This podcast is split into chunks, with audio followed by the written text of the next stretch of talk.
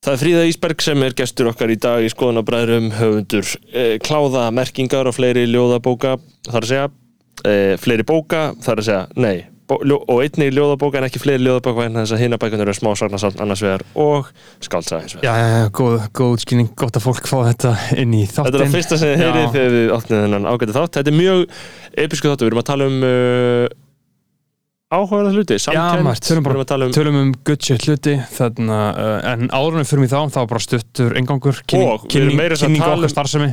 Við tölum aðeins um hvað umræðan er slem á Twitter. Já, maður, við förum við það maður, sem við um síðan förum við alveg í full mode byrjum að tala um fjölmiða go. það vantar bara handrit uh, og þá erum við með öll þessi helstu umræfni tjekki á þessu áður en við förum í þetta þá Bara er það uppáhalds uh, introið stutt.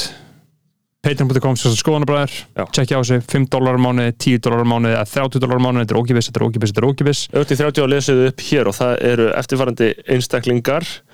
Hrútur X sem reynda að borga 31 Já, já, mitt uh, uppáhaldsleikarinn minn Jóhannes Haugur King Joe the Goat. Jóhannes var einmitt eitthvað að sauma að mér á Twitter áðan. Þannig að. Jóhannes, uh, þú ert uh, jú vissulega King Joe the Goat. King Joe the Goat Andris Jónsson, Benedikt Bjarnason, Björgvin Helgi. Brynjar Guðmundsson. Erik Ólaf Petró, Geoffrey Huntington Williams Hjörtur Páll Hjartar Hálfdán Svensson, Mask on Iceland Sindri Kampan Skúli Halldórsson, Sturla Snorrason X Nonni X Ármann Örn Fredriksson Ari Helgason trú ég. Jöp, og það eru þeir síðustu. Síðan er það styrkja kongurinn okkar sjálfur, það er Tandri Snær Trausta, hefur verið í styrkja kongabarþunni frá því í byrjun s- Fucking kongur. Já, King Tandri hann borgar okkur hundrað dali á mánu Ákveðna breytingar þetta, hann er farin út okkar Já. Stefán Dæði dottin út bara leiðileg Hlýtur að vera miskilningur Já, já, það getur ekki alveg verið, getur ekki alveg verið. Um, En Tandri Snæði Trausta uh, borgar okkur hérna 100 dólar á mánu takk kærlega fyrir það Svo eru tvö, svo, svo eru tvö fyrirtæki sem ákveða að uh, misnota leikin eru sem sagt Já, ekki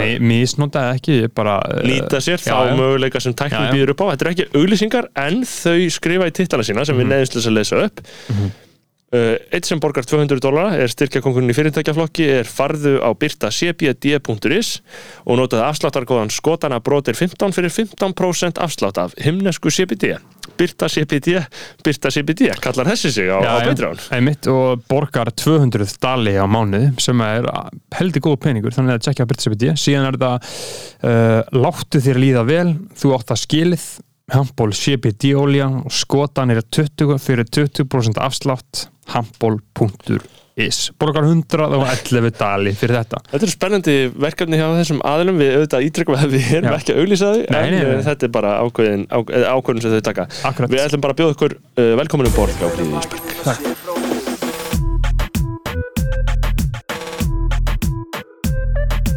Fyrir hver að bakið um að sé bróður eigi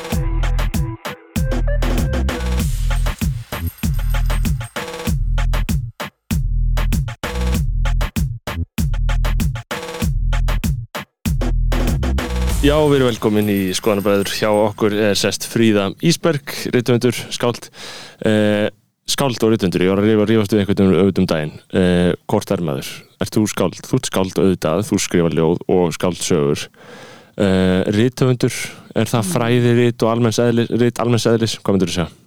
Mm, já, einmitt. Þetta er svolítið, þú veist, við, erum, við eigum ekki hérna, stærsta reglíðarheitið sem er ri- writer, Mm þú veist, uh, við erum svona, íslenskan er búin að vera að eiga í erfileikum með þetta orð. Já, sko, bara úr grári fornesku skáld er bara f- f- 1600 ára orð sem er bara ennþá inn í tungumálun okkar.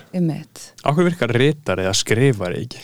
Já, það var búin að taka það. Já, skrifari er koncept, sko. Skrýbent Já, er líka, Já, skrýpandi er mjög fallegt. Já. skrifari er ég hugsa- derogatory.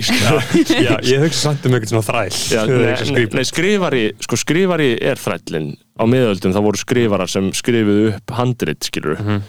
Það voru skrifarar, ritari það er líka þræll, það, eða svona ef, ef við höldum áfram að kalla alla starfsmenn kapitalismans þræla, Mhm. eh, en já þú, rithöfundur, minnst það nú samt ná utanum þig líka, það ekki? jú, jú, Já. ég, ég er, er reythundur. Mm. En mér finnst það að vera kannski einmitt, það er alveg opnara konsept, sko. Það er svona, þú veist, þú getur verið að skrifa non-fiction líka og, Já, veist, og það er svona, Einmitt. neina, þú veist ekki alveg að vera í skáldskapnum. Mm, sko Fríða, það er þarna uh, það var eitthvað tweet var um daginn það sem mást segja að á sama degi hafði, bókin verið seld til fimm landa þú fórst í 20 vikna sónar og þú fórst hvort það hafi verið í nýrnasteinatöku eða eitthvað svo leis Mhm. hvernig var þessi dagur? þetta var, þetta var síðasta daginn í óttúber Mm. og ég hérna þetta er já, ég sem sagt var búin að finna fyrir einhverjum verkjum. Það er mjög algengt að maður fái hérna þvagfærasíkingu eða blöðrubólgu eða maður er óléttur af því að maður er að pissa allt í hennu svo mikið. Já, og þá er maður ekki eitthvað að pissa nógu mikið út þannig að pissið fær að gerjast og þá fær maður og þannig hljómar er svo óæskilegt líkanlegt ástand. Þetta er mjög óæskilegt og mjög Mhm. ópraktist fyrir alla aðala barn og, og, og móður og, eða, eða barnshafandi mannski og hérna en þú veist, eh, þetta er mjög, mjög algengt og þetta er alls konar svona sem maður fær aldrei að vita fyrir maður verður óléttur. Og ég fæ náttúrulega bara þakk fyrir eitthvað svona sýkingu og síðan fer það held ég bara að það sé komið upp í nýru. Um, en þá kemur ljós að ég var bara með eitthvað risastóra nýrnastein og fer upp á bráðamóttöku þannig að uh, á sama tíma og agenti minn er bara ég er búin að selja til Þýskalands fyrir fáranlega uppæð ég er búin að selja til Fraklands fyrir geggjaða uppæð ég er búin að selja til veist, Hollands. Og hún er bara svona að senda mér á hálftíma fresti á meðan ég er að reyna að býða eftir að verkefliðin kikka, kikki inn og ég er að ná einhvernum gangi þegar það er alltaf mikið eh, af fólki náttúrulega á bráðamóttökinu eins og Jú, jú. Alltaf. út bara út að gangi í einhverju rúmi. Já, akkurat. Og hérna, en þess að daginn eftir að þá áttu við maðurinn minn bókaðan tíma í 20 vegna sonar þar sem maður færi yfirleitt að vita kynið ef maður vil vita það. Og bókaðan uh, fund með fasteignarsala við ætlum að fara að skrifa undir kaupsamning á fyrstu íbúðin okkar.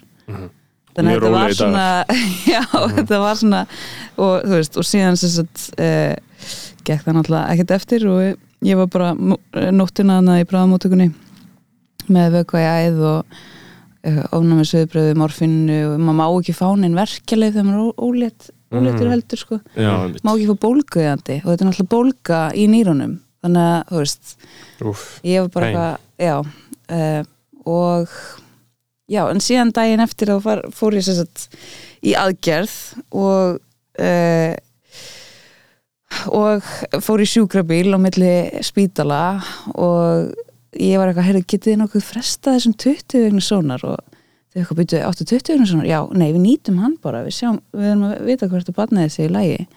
Þannig að ég svona mitt í þessu öllu þá fengum við að vita að við ættum vona stelpu. Mm, ok. Og hérna og, e, og síðan er það bara jæja fría, ég ætla að telja niður það er 5, 4, 3 2 og síðan bara vakna maður hinn Mhm. Já, og, það var bara búið að taka sprengja nýrnasteinin og fara niður kokið og upp þvagrásina e, með e, hérna e, hljóðhöggum. Þú veist, Wow, það hann sprengtur, sprengtur með hljóði. Wow. Eitthvað svona decibel kjáftæði Og ferum það bara einhverja móla Þú veist, Já. er þetta alvöru stein?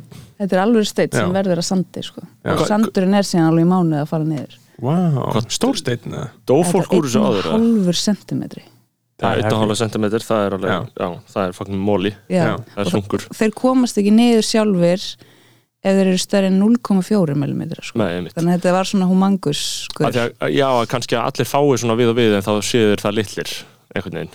Já, það gæti verið að þeir kristallist einhvern veginn og, og maður finnir ekkert endilega fyrir þeim en, en hérna en þú veist það er líkleg það er mjög líklegt að þetta hafi bara verið mín eh, sagt, mínusvassneisla og plúskaffineisla í gegnum árin sem hafi Mm. sapnað þessu saman og síðan þegar líffærin fara að færast til líkamunum að þá kikkar inn hérna, Einmitt. það fer þetta að reyfast sko. Mm. Þannig ég lendi fyrst í vandræði með fimm kaffibóllana sem ég drekka morgnana þegar ég verði ólítur. já, eða bara eftir kannski geða þessu fjögur ár Ámenni krasa. Nei, En sko þetta er náttúrulega rosalega líkanlegt ferli. Það er ekki oft sem maður lendir á sjúkrahúsi sem betur fer. Ég er mjög þakkláttur fyrir að vera með góða helsu. Ég meina, og uh, það er náttúrulega það sem fólk segir alltaf. Þú veist, einhverju milljaramenningar sem eru veikir sem við myndum að gefa alla peningarna sína eða þau fengi bara að vera heilbreyði, skilur. Mm. Um, uh, þetta er svakalegt. Já, en þetta er samt að sko, það góða sem kom út úr þessu er það það sér svo ótrúlega vel um mig og ótrúlega fallega um mig að hérna og þú veist, fólkið hana var svo ótrúlega bara miklir fagmenn að og þú veist, hugsaði um mig bara klukkutíma fyrir klukkutíma. Mér leið alltaf eins og það væri verið að hugsa um mig og ég væri í einhverjum farvegi.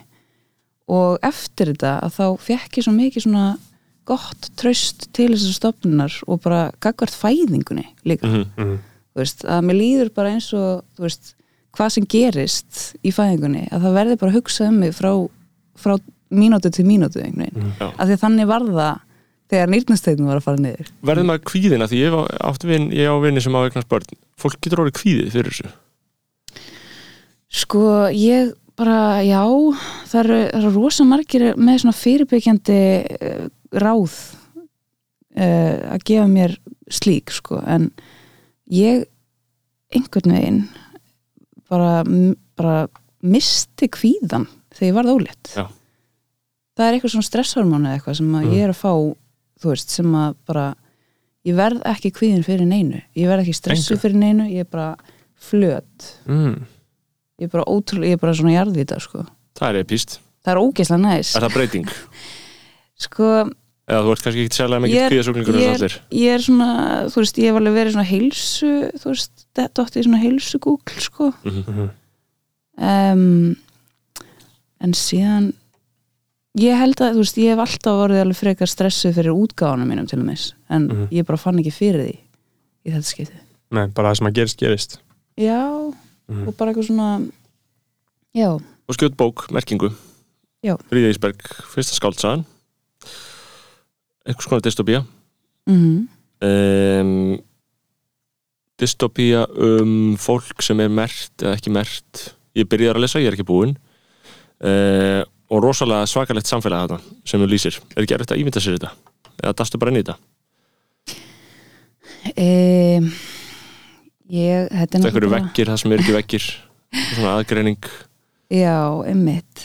Ég, sko, fyrir, ég, mér dætti það í hug fyrir þremur árum og þá ætlaði ég að skrifa, sko samfélag þar sem að, hérna uh, samfélag þar sem að, sko sem verið að drifið áfram af samkend og valda struktúrin væri algjörlega búin að umpólast út frá því.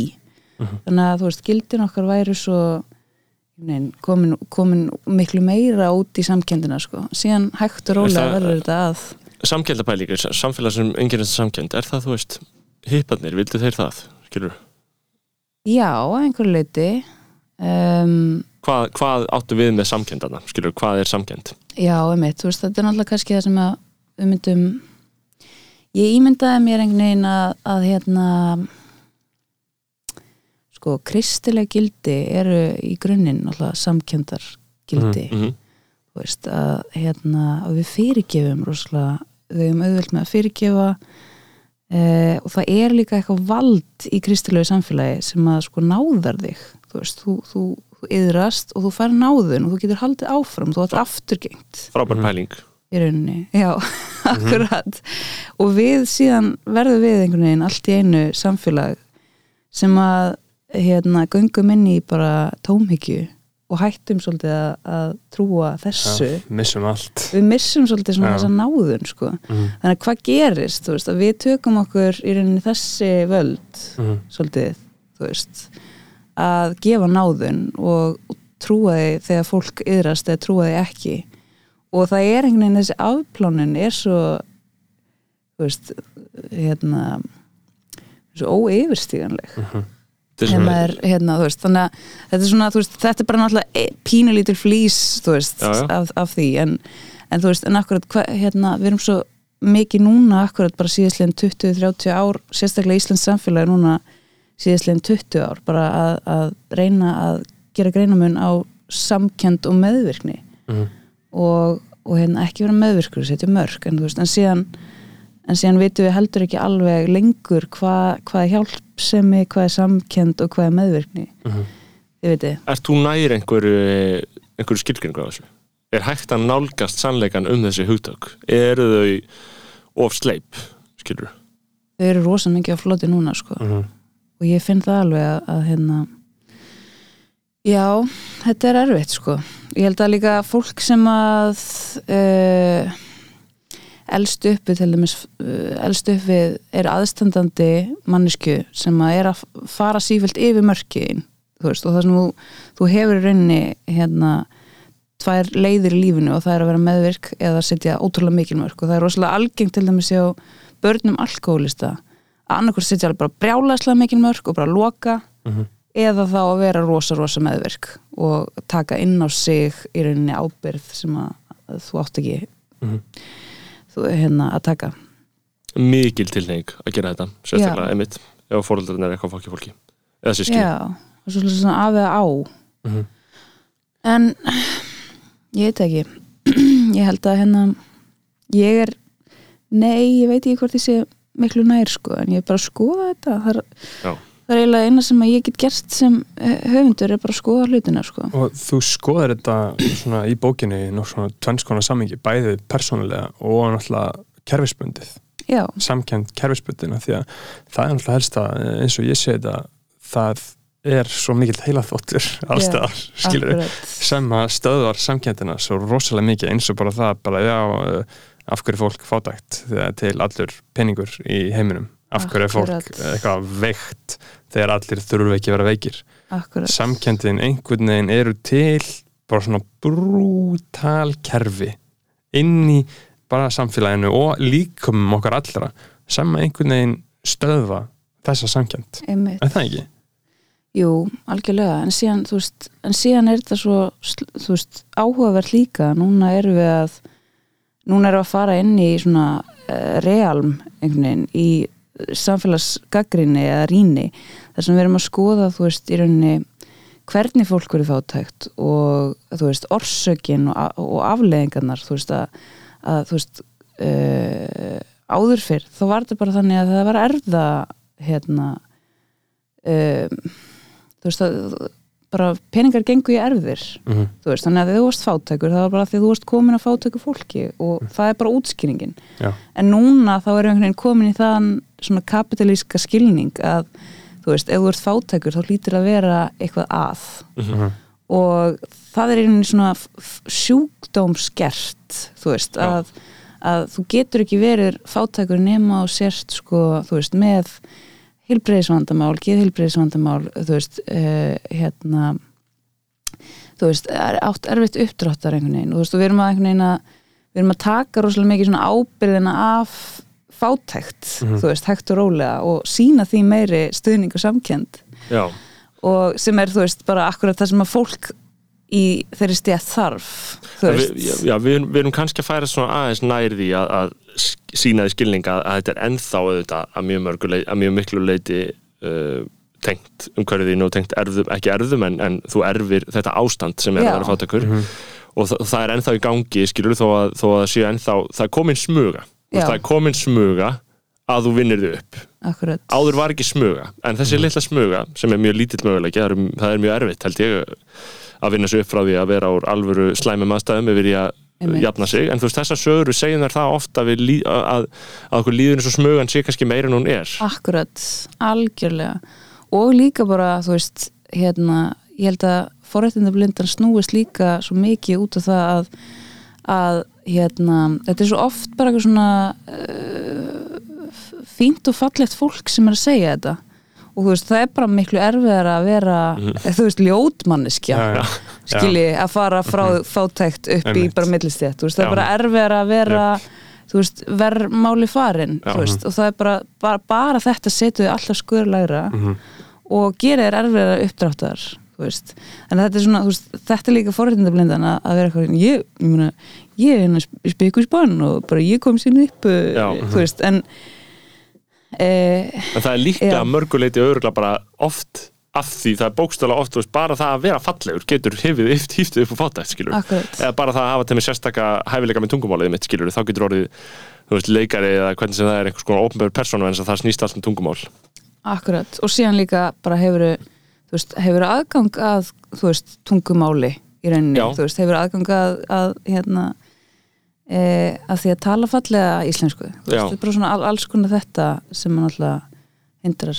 En á ég ekki að útskýra aðeins bókina Jú, að endilega, um jú, endilega. hérna, fyrir, hlustendur þurfa, við missum bara alltaf þráðin sífælt það er bara, þannig verður þetta en þráðurinn, í sögu þráðurinn. Já, bara svona til þess að útskýra aðeins þetta samhengi sem við erum að tala út frá að þetta er þess að skáldsæða sem gerist eftir 20 ár og það er hægt að mæla samkend eh, þú getur farið í sagt, samkendar próf ef þú ferði í þetta samkendar próf sem er ofinbert og allir hafa aðgangað að þá ferði að velja sagt, að prófi loknu hvort þú skráir því í ofinberan klatta eh, sem er bara opin öllum og merkja þig í þennan klatta og þannig að aðrir getur flettir upp og séð hvort að þú hafi náð þessu prófi eða ekki. Við erum með nógu mikla samkend Já. Eh, hérna, það eru eh, sagt, ekki margir sem að falla í þessu prófi samkvæmt samkvæmt þessu kerfi, það eru svona kannski hérna 1-2% og ungt fólk er frekar að falla því að samkendin ykst með aldrinum. Uh, og hérna og sem sagt í byrjun bókarinnar að þá er svona tveir þriðju þjóðarinnar búinir að merkja sig innan klatta eitt þriðji er ómertur og það er að spretta upp svona lokuð samfélag í rauninni sem er einungis fyrir merta einstaklinga. Þannig að veist þetta eru hverfi fyrirtæki eru að merkja sig þannig að allir, allir starfsmunni þurfi að fara í prófið. Eh, þjónusturými, búðir að hérna, rektir, líkansrektir eða leikús er að loka fyrir sagt, meina ómertum aðgang og eftir tvo mánuði í börjun bókar að þá er þjóratkvæða greiðslega en það hvort að það verði merkingaskylda og allir þegnar samfélagsins þurfi að undirgangast samkynntarprófið. Þannig að þetta er í rauninni líka hérna, uh, já og, og, og samfélagi er algjörlega klofið í afstöðusinni til þessa. Og, og að, aðdraðandin að þessu öllu meina þetta er 20 ár fram í tíman þetta er í. Reykjavík. Mm aðdraðandin að þessu öllu er kannski svona kveikjan að því er að það er okkipis að fara til sálfræðings. Eða þú veist, að það verður svona aukin vitundavakning já. með það, er það rétt? Já, kannski það er svona margt sem helst í hendur sko, það er eitthvað, hérna, það verðar svolítið, svona, það kemur svona gagnalegi Mm e, svipar og við höfum kannski séð oft. Mhm. en í þetta skiptið að þá er þessi tækni til staðar og er í rauninni fyrst bara notuð sem svona um, svona mæl, mælikvarði bara fyrir þú veist, fólk með geðran vandamál. Og þetta er bara notað, þetta er ekkit, þetta er ekkit hérna já, þetta er svona prófið er bara notað kannski af sálfræðistofnunum til þess að sjá hvar þú ert þú veist, ef þú hérna eh, ert í fangelsi eða eitthvað, þú veist, hvort að þú sérst einhvern veginn að fá aukna samkend en af því þessi tækni er komin að þá ákveða nokkrir stjórnmálumenn að, að, að svona fría sig svona þessum siðblindu stimpli Mm. Eftir gagnalegan til þess að sína að þeir séu ekki siðblindir. Til þess að reyna að halda, halda einhvern veginn trusti almennings. Og þá svona seiklar þetta svolítið inn í e, alþingi og, og svona fleira og fleira fólk byrjar að fara að hérna, reyna að sína fram á einhvern veginn samkend svona sko. Og uh, þetta er svona ég uh, þetta, þessi heimur hefur ákveðna drætti sem maður getur auðvitað sé fyrir sér að, að, sem, sem rýma ágætla við bara vissa tilhengar í okkar samfélagi núna, nú þegar, skilur mm -hmm. uh, mann er þetta náttúrulega óhjákvæmlega hefur, bólusetningar en ég veit nú að þetta snýst ekki um það. Uh, og það eru náttúrulega allir brjálæðar að maður að þurfa að, að ég mögulega merkja fólk. En þetta er líka miklu meira bara finnst mér auðvitað hljóma og, og, og, og minn skilningur á þessu eins langt og ég er komin í bókinni er að ég skilir þetta þarna sjálfur og ég er náttúrulega, ég er lesandinn og, og, og svo, er, svo, er bara, svo er það bara minn skilningur að það er þetta, þetta ég spekla þetta svolítið bara í umræðinni eins og hún er núna að fólk er sko ég segi ekki polarisera, ég veit ekki hvort að samfélagi sé mjög polarisera, en það eru svona tilneyingar sem eru í umræðinni sem sumum er mjög vel við og sumir fucking hata, sem er bara þessi hvort sem við kallar það réttrúnað eða, eða, eða bara PC menns, mennsku eða, eða, eða þú veist, einhvers konar nýjaldar hugsun svona viðkvæmnisleg samkendar hugsun sem verður samt rosalega grimmileg stundum þegar, þegar það á að láta framfylgjenni skilur Mm um, er, er þetta eitthvað sem þú fylgist með ekki með í samfélaginu? Er, þetta eitthvað sem þú veltir mikið fyrir þér þú veist? Já, þetta er alveg já, ég er algjörlega að skoða hérna, það er svona hinn partur af titlinum kannski merking er þetta hvernig sikkur samfélagshópar leggja sikkur merkingu í sömu orðin. Mhm. og það er polariseringen polariseringen er það að fólk er ekkert að tala um sama hlutin. Veist, það er búið að setja einhvern allt annan farangur og sikkur, á sama orðið. Já, já, þannig að þú veist bara það til dæmis að þú veist uh, ég á hérna náinn fjölskyldu meðlum sem að er uh, mjög mikið hinum einn við mig pólitíslega séð, þannig að ég er alltaf þú veist á hverjum degi í rauninni þú veist er í einhverju, einhverju skonar þessari, þessari samræðu Mhm. við hérna eh, við fóreldri að þú veist sem er hægri sinnaður þú veist skeptiskur á loslasbreytingar eh, hérna þúlir ekki vókisma þú veist, Mhm. vókismi er bara svona já. og maður hefur heyrt þú veist, heyrt þetta, þú veist, hvernig vókismin sé að eðilegja allt sem hann Þetta er bara ma massíft mikið sagt þú veist, Mhm. á meðan einhvern veginn vinkunur mínar kvarta bara sáran yfir því að sé ekki nógu mikið af vókstrákum á lausu Já, já. í bænum þú veist, Mhm. og, og veist, þetta er bara svona einhvern veginn hérna algjörlega sikkvort orðið fyrir mm. Já, kynnslóðanum þú veist.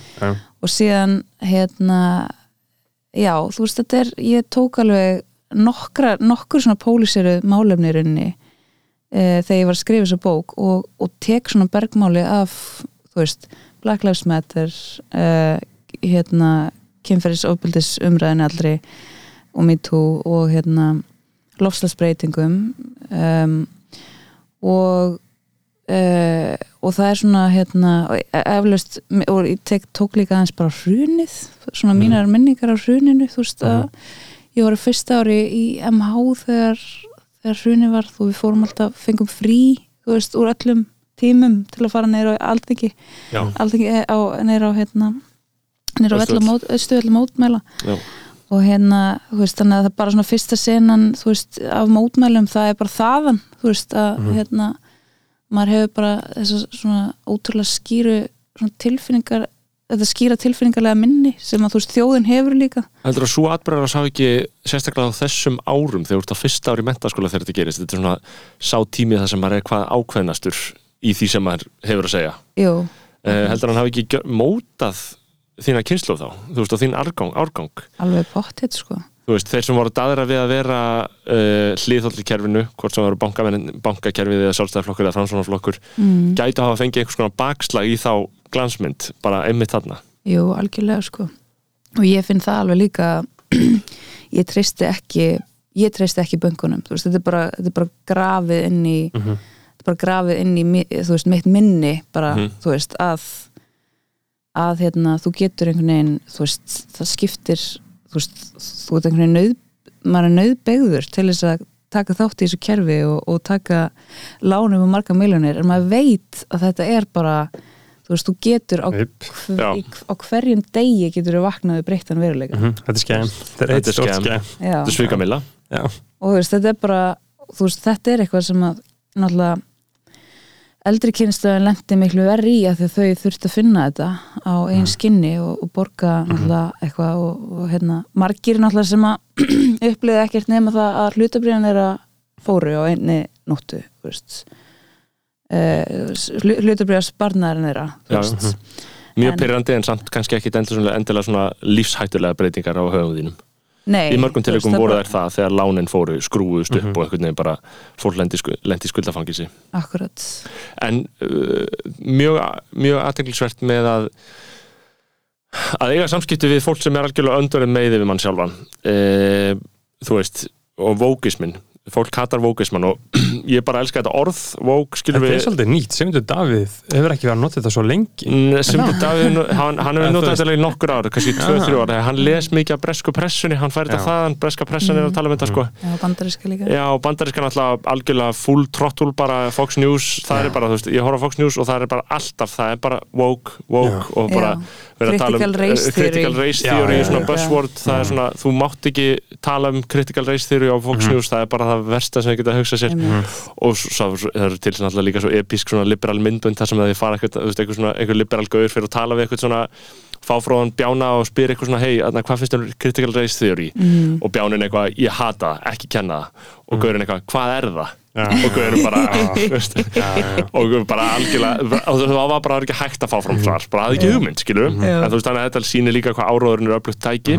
Akkurat. en þú veist, þar er svona gjáin augljós vegna þess að það ertu líka með einhvern veginn miðla sem gera þessum, þessari polariseringu svona skýrari skil einhvern veginn bara með því að taka afstöðu hjá okkur eru, þú veist þú veist, þó að moggin sé moggin þá er MBL samt til dæla frjálslindu miðill, þú veist, þannig að þetta er einhvern veginn svo, og, og, og, og við, við hjá vísi, við erum bara svona eitthvað allt, skilur og, og rúf, þeir eru svona ærulega, hvað mest finnst mér svona uh, samt ekki hliðhóll einhverjum réttrúna, ég veit, ég veit ekki, þú veist, ég veit ekki D- og DFF og ringbraut, þetta er allt bara eitthvað chaotic, evil, skilur Já. en þú veist, þetta er ekki svona skýrt hjá okkur, þetta er miklu flóknara og, og lagskiftara í íslensku samfélagi, finnst mér. Þú veist, Hannes Holmstedt segir woke, en segir einhver stjórnmálamæður á alþingi woke fyrir utan Sigmund Davíð, skilur og hann er svona alveg á jæðrunum í því að vera menningarlega íhaldsamur mm, mm, mm, mér finnst það svo flóki ástandina, ég get ekki gert mig grein fyrir því. Nei, einmitt. Háskólinn er hann woke? Skilur, er fólki háskóla woke? Já, er það ekki? Jú. Er, háskóli, er HÍ, HÍ fólkið? Jú, jú. Eflaust sko, en þú veist alltaf aðal munurinn líka á fjölmjölun hér og til dæmis í bandaríkjunum er það að þú veist, við erum með lög þú veist, að fréttaskýringar og fréttir þurfa að vera í rauninni bara samkvæmar sannleikanum, þú veist, og það, við, okkur ber einhver, einhver skilda, fréttamönnum ber skilda til þess að miðla sannleika. Og ef að einhver álítur sem svo að þetta sé lígi eða bara, þú veist, ekki rétt þá er þetta að kæra fréttinnar en bandaríkinn er náttúrulega búin að breyta þessu þannig að til þess að vera ekki kærð og til þess að þurfa ekki að bera ábyrð á upplýsingunum sem þau eru að miðla að þau eru búin að breyta öllum fréttaskýringun í skoðanapisla. Og þannig gera það löglegt að spúa út áráðri þú veist, sem er alltaf ákveðin snild en líka kannski mjög slemt já mm. uh, en, Nei, en bara slæmt þú veist, en, þú veist, en af því að þetta er matreitt sem, sem já, fréttir. Já, já, já. þú veist, og fólk gerir ekki greinamun á þessu tönnu. Þe- Þetta er held ég sko annan dæmi á Íslandi út af því að hérna er allir svo mikið í, uh, þú veist, það er vissulega fólk er að fá mismunandi content inn til sín. Eins og til dæmis bara fólki sem við varum að tala um á það er ekki á Twitter, skilur Nei, hvað þetta sem 3% þjóðan er á Twitter eða, það ekki já, ég eitthvað veit það svona, ekki. Jú. eitthvað pínulítið það auðvitað með svona 40-50 followers þetta er það, Það- það, það- það er allir að follow hann ég, ég tek bara mið þar, það, það, það, það það er svona 10% sem eru að lesa uh, og 2% sem eru að 2% tweeta. sem taka þátt já, svona cirka, skilur Já. og síðan fullunum fólkið uh, ég held að það sé svolítið mikið í Facebook-hópum sko. Mhm. ég held að rosa mikið svona uh, af þeirra skoðanaskiptum og algoritma í rauninni koma þar sko, en mér finnst ég aðalega sjá uh, íslenska polariseringu uh, þegar kemur að sko borgarskipulagi frekar en já, einhver öðru sko. Mitt þú veist, hvort þú viljir uh, búa nýr í bæ hafa, Mhm. eða búa miðsvæðis hafa þetta billöst, hafa þetta bara livable þú veist, hafa bara góða borgina Heyr- maður heyrir hvar þú stendur. eða uh, að þú bara hatar þetta Mhm. meira en allt skilur. það er svolítið svipa og aðna critical race theory Mhm. þú veist, það er þessi borgamál að hata dag B skilur og bara svona raunverulega vera á móti göngugutum, skilur, bara eitthvað svona lítið dót sem að einhvern veginn hefur náða svona svolítið seitla í uh, undirmeðandum þjóðarinnar, en það ekki Jú, þetta tengis náttúrulega lofslags líka trú sko. Þú já. veist, að fólki sem er hérna, með borgarlínu þú veist, það er að hugsa í mengun raunverulega, það er að hugsa um að fórna sínum fríðundum fyrir, Mhm. fyrir, fyrir Já. þú veist, Hvernig meðan- hvernig finnst þér þau mál standa á Íslandi, loftasmöfnaður um, hvernig, hvernig, hvernig nemur þessu umræðu? uh, Æ, ég veit það ekki ég, þetta er bara, þú veist, maður náttúrulega bara hérna þú veist, mér veist bara við ég held að, held að mjög margir séu á þessari bylgjulengt, þú veist, þó svo við festum svo oft í einhverju svona svaði þú veist, einhverju svona litlum ákvörðunum, þú veist, þar sem að við erum eitthvað, já, eigum við að vera á bíli eða ekki, þú veist, þetta er bara ekki relevant í þessari umræði, þú veist, við eigum bara að vera að setja pressu á hérna á það að, að skatleggja og, og bara gera þú veist e, bara skatleggja meng, mengun sko, Já. þú veist og bara, hérna, þetta eru stórfyrirtæki sem eru að spúa út mestu yep. menguninni. Já, og þú veist eh, við erum bara við erum bara dropi í hafið og það er bara alltaf verið að setja ábyrðina yfir á neytandan en neytandin hefur ekkert með þessi stórfyrirtæki að segja þú veist, við erum ekki með þessi viðskipti í höndunum. Þetta er bara þetta er bara viðskipti sem er að fara til útlanda og það er enginn sem getur tjónkað þetta nema ríkistjórnin veist. og þau segir bara Guðlegu Þór gerir svo vel. Já, bara gerðu Fáum vel. Gullan Já. Nóng í veist, bara einhvern gauður sem að er drullu saman um þetta. Leiði ég mér að fullir það. Já, en ég meina, þú veist, fólk bara algjörlega sé raukt þegar maður segir að það eigi að skatleggja mengun, af því að það er bara, veist, þá er verið að hérna, hefta efnahægin og þá er verið að, þú veist, það sé ekki, þú veist, að hérna, þú veist, eins og til dæmis bara fóreldri mitt sem er mjög mikið á móti þessu öllu, þú veist, segir bara að að hérna þú veist, að það megi ekki vera neikvæð þess að það þurfa alltaf að vera jákvæð umbun þú veist, og þannig þurfum við kerfið að halda áfram og þrýfast í rauninni að, að fólk þurfa að sjá hagsinn í því að, að verða grænt fyrirtæki og fólk þurfa að sjá hérna, þú veist, það, það er náttúrulega bara að elta eftirspurnina og eitthvað svoleiðis, en það er bara allt of hægt og hérna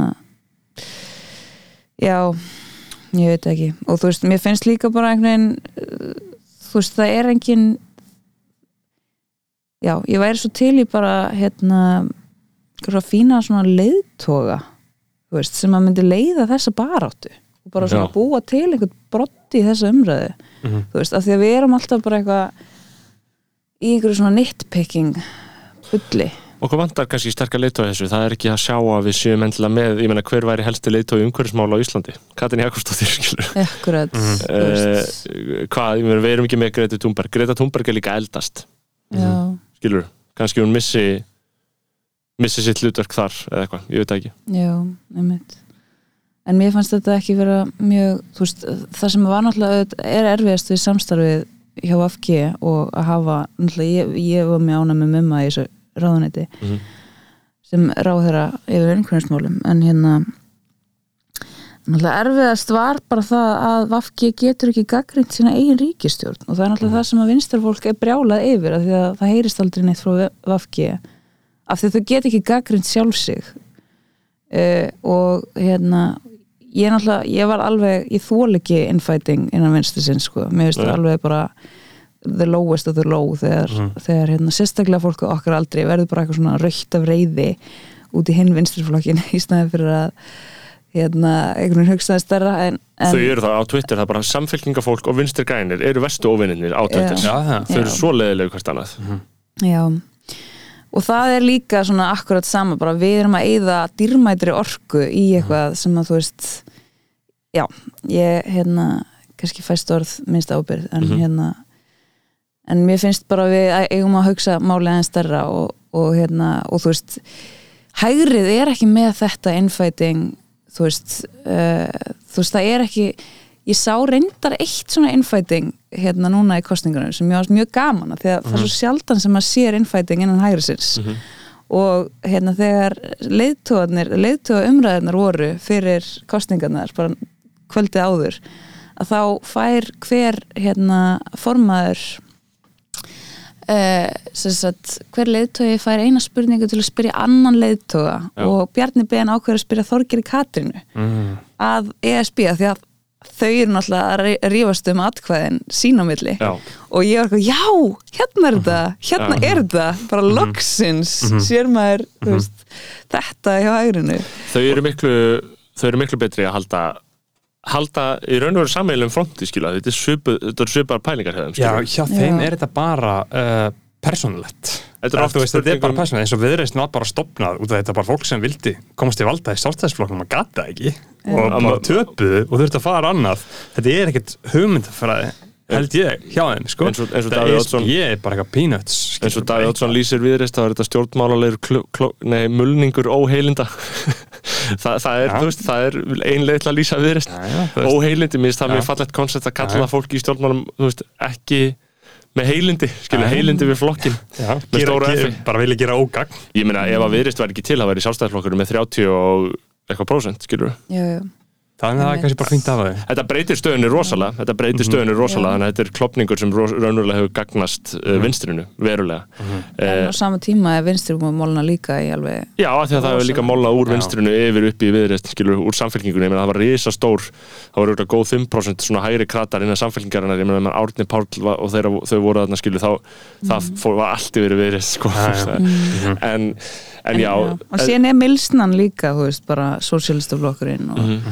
og líka, held ég hérna flokkur fólksins og, og hérna uh, hvað var það aftur meira. Uh, flokk, uh, flokkur fólksins og, og Og auðvitað. Píratar, já, já. Þetta, er, þetta, er, þetta er svakalig stjórnmála staða sem við höfum inn á Íslandi og þetta er svolítið, ég held að þetta gældi umræðina verulega að vera með svona samstæpi stjórn úr hægri og vinstri en ég meina alternatífið væri að viðreist væri þetta í staði fyrir Vafki og ég veit ekki alveg hvort að vinstri mann myndi vilja það endilega skilur þannig að hvort að Vafki virki sem stopper. Það akkurat, hefur verið mín kenning sko. Já, Já, því meður og þú veist og ég var að lesa nýja, nýja þarna, leiðarinn hjá Þórisnæ og Kjarnanum uh, sem að setja þetta í mjög gott samingi sko, hvernig þessi ríkisjórn bara bókstala, hann, hann, hann þuldi upp sko, það sem að nýja þýska ríkisjórn ætla að gera. Þau ætla bara hérna, ætla meina bara búið til gott land, uh, ætla meina að fá fleiri flottamennin, hafa það gott fyrir þau, við ætlum að lögulega kannabis, við ætlum að svona, koma upp félagslegu húsnaði, við ætlum að gera þetta, við ætlum að gera hitt, sagði það bara konkrétt. mm, En þessi stjórn hefur ekki til að gera neitt mm, nei, þetta er óljós ekki stakan hlut nákvæmlega þetta er óljós stjórnarsáttmáli En sko, Þískaland er líka, þú veist, að einhver leiti svona heifin, þú veist, af því að Þískaland er alltaf í siðferðisleiri skuld Já, við heiminn. Mhm. Þú veist, bara 20. öldin fór bara þannig fyrir þeim að Þískaland þurfti svolítið að taka já. siðferðislega ábyrð á sínum gjörðum og í staðinn að þá tókuðu bara, opnuðu bara rosalega mikið landamærin og reynda að bæta upp fyrir miljónir manna sem voru drepin. Þú veist, þannig að það er svona, veist, Þískaland er hérna, er alveg smá svona anomaly, sko, Já, veist, já. það er ekki alveg Já, og þetta er líka sérstakt í sögu Þýskalands að við séum með jafnamannastjórn pluss græningar pluss frálsum demokrater en það er síðan önnur saga. Já, það er endur uh, Siðferði uh, sko að við fannst tala um siðferði þjóðara. Uh, er siðferði um, þú veist, er að þú ert líka að tala um samkendarna í þessari bók, merkingu, Mm. þetta snýst um samkend þetta snýst um uh, að krefjast samkendar af fólki er maðurinn þá í grunninn skilur með samkend heldur þú e eða er hann, er hann skeppna í grunninn skilur það er líka gömul, gömul Mm. gamalt þrætuefli já, Eh, mitt hver er þín insýn í það? Heldur hann sé góður? Heldur þú séum góð í grunninn eða sé eitthvað annað að fokka okkur upp eins og Beggi segir að kerfin sé að láta okkur vera samkendalus?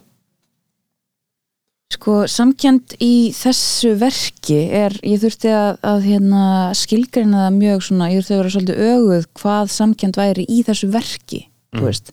Þannig að samkvæmt þessari tækni að þá er uh, samkjönd bara þessi sagt, eiginleiki að verða fyrir tilfinningarlegu smiti eða, eða innlifun í rauninni það að veist, þessi tækni er til þú veist, þú getur farið í jáendaskana og þegar þú horfir á aðra mannsku þjást að þá lýsast upp heilastöðar í þínum heila eins og þú sérst að þjást. Og ef þú horfir á mannsku borða þá lýsast upp haust, sagt, heilastöðar eins og þú sért að borða. Þetta er alveg hlutur. þetta er alveg hlutur og þetta, bara, þetta bara kallast hérna, uh, hérna tilfinningalegt smitt í rauninni. Og hérna þannig að uh, en síðan er náttúrulega meira inn í síðblindu sem að er, þú veist, orsöku afleðing þessi, þessi tengsl þú veist að og árasarneigð og, og skortur á í rauninni þessu tilfinningalega smiti. En þetta próf er aðalega að mæla það hvort þá getur lifaði inn í tilfinningar annara og hérna um, og það sem mér fannst mjög áhugavert veist, að rannsaka og skoða er í fyrsta lagi hérna annars vegar er það hvaða upplýsingar við þurfum til þess að finna til með annari mannsku þannig að þú veist karakterinni mínir eru í rauninni stúdía á því að karakterinni fá allir mismunandi upp, sagt baksögur og sagt, konan sem að fær kannski minnstu baksöguna og fellur á prófinu í fyrsta kaplanum sínum og er rekin að því að fyrirtæki er að merkja sig þú veist, hún fær minnstu baksöguna og mér er stókslega áhugavert að heyra hvernig lesandin upplifur hana og hvert að lesandin fáið samkend með henni út af því. Að samskapið þá er annar hinn karakterinn sem er á svolítið erf- erfitt uppdráttar í þessu samfélagi að hann, hann til dæmis sko, þú veist, blótar óslega mikið, hann er um, slettir mikið, talar vittleisa íslensku og er svolítið svona þú veist, árásakjarn og mér finnst óslega áhugavert að sjá hvernig við erum hvort að samkendin líka þú veist, bara svona fagurfræði þú veist, að við hérna við e, sínum fólki meiri samkend sem að við til sagt, e, álítum að tilheri okkar hjörð. Mhm. og um leið og fólk er á annari samfélagsgerð þá er hún aðeins fjær okkar hjörð. Þú veist, það eru margar hjörðir náttúrulega. Þannig að hérna þannig að mér finnst óslega áhugavert líka þetta sko, þessi gagvirkni lesanda og karakter, þú veist, hvað lesandinn þarf í rauninni til þess að finna til með karakter. Því að síðan hægt og rólega fáum meiri baksögu með þessum unga strák þú veist, og mun það einhvern veginn fá okkur til þess að halda með honum.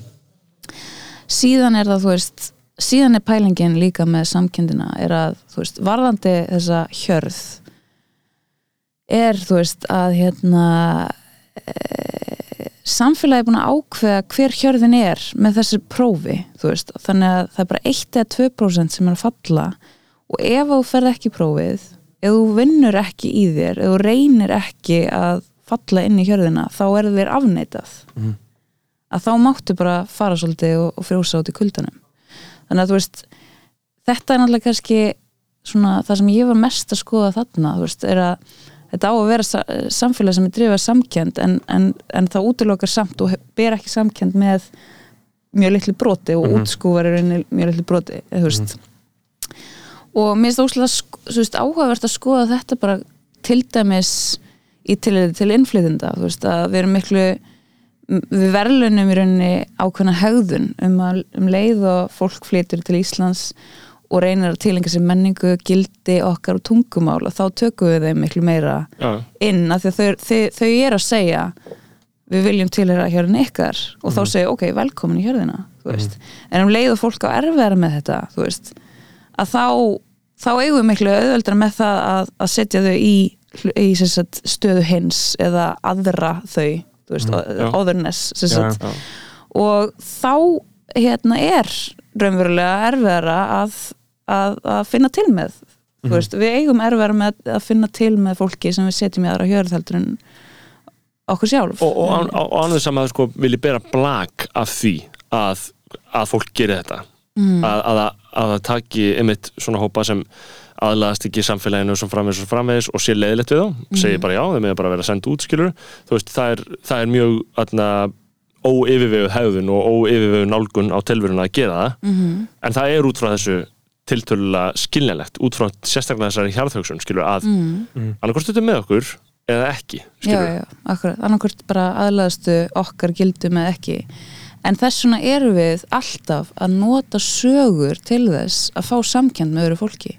Og það er líka, veist, það sem er svo áhugavert að spegla út frá skáldskapnum og yfir í, þú veist, það er alltaf talað um að skáldskapur og bó- bókmyndir auki samkend en þetta er svona, þetta er leiðin þetta er tól sem við tökum úr skáldskap og færum yfir í fjölmjölun og umræðið samfélaginu að við erum alltaf að reyna að sagt, útskýra narratífur fólks til þess að við sem að brúa þessi bil og til þess að við fáum aukna samkend með fólki sem að tala ekki tungumálið okkar eða á erfæra með aðganga að menningu okkar.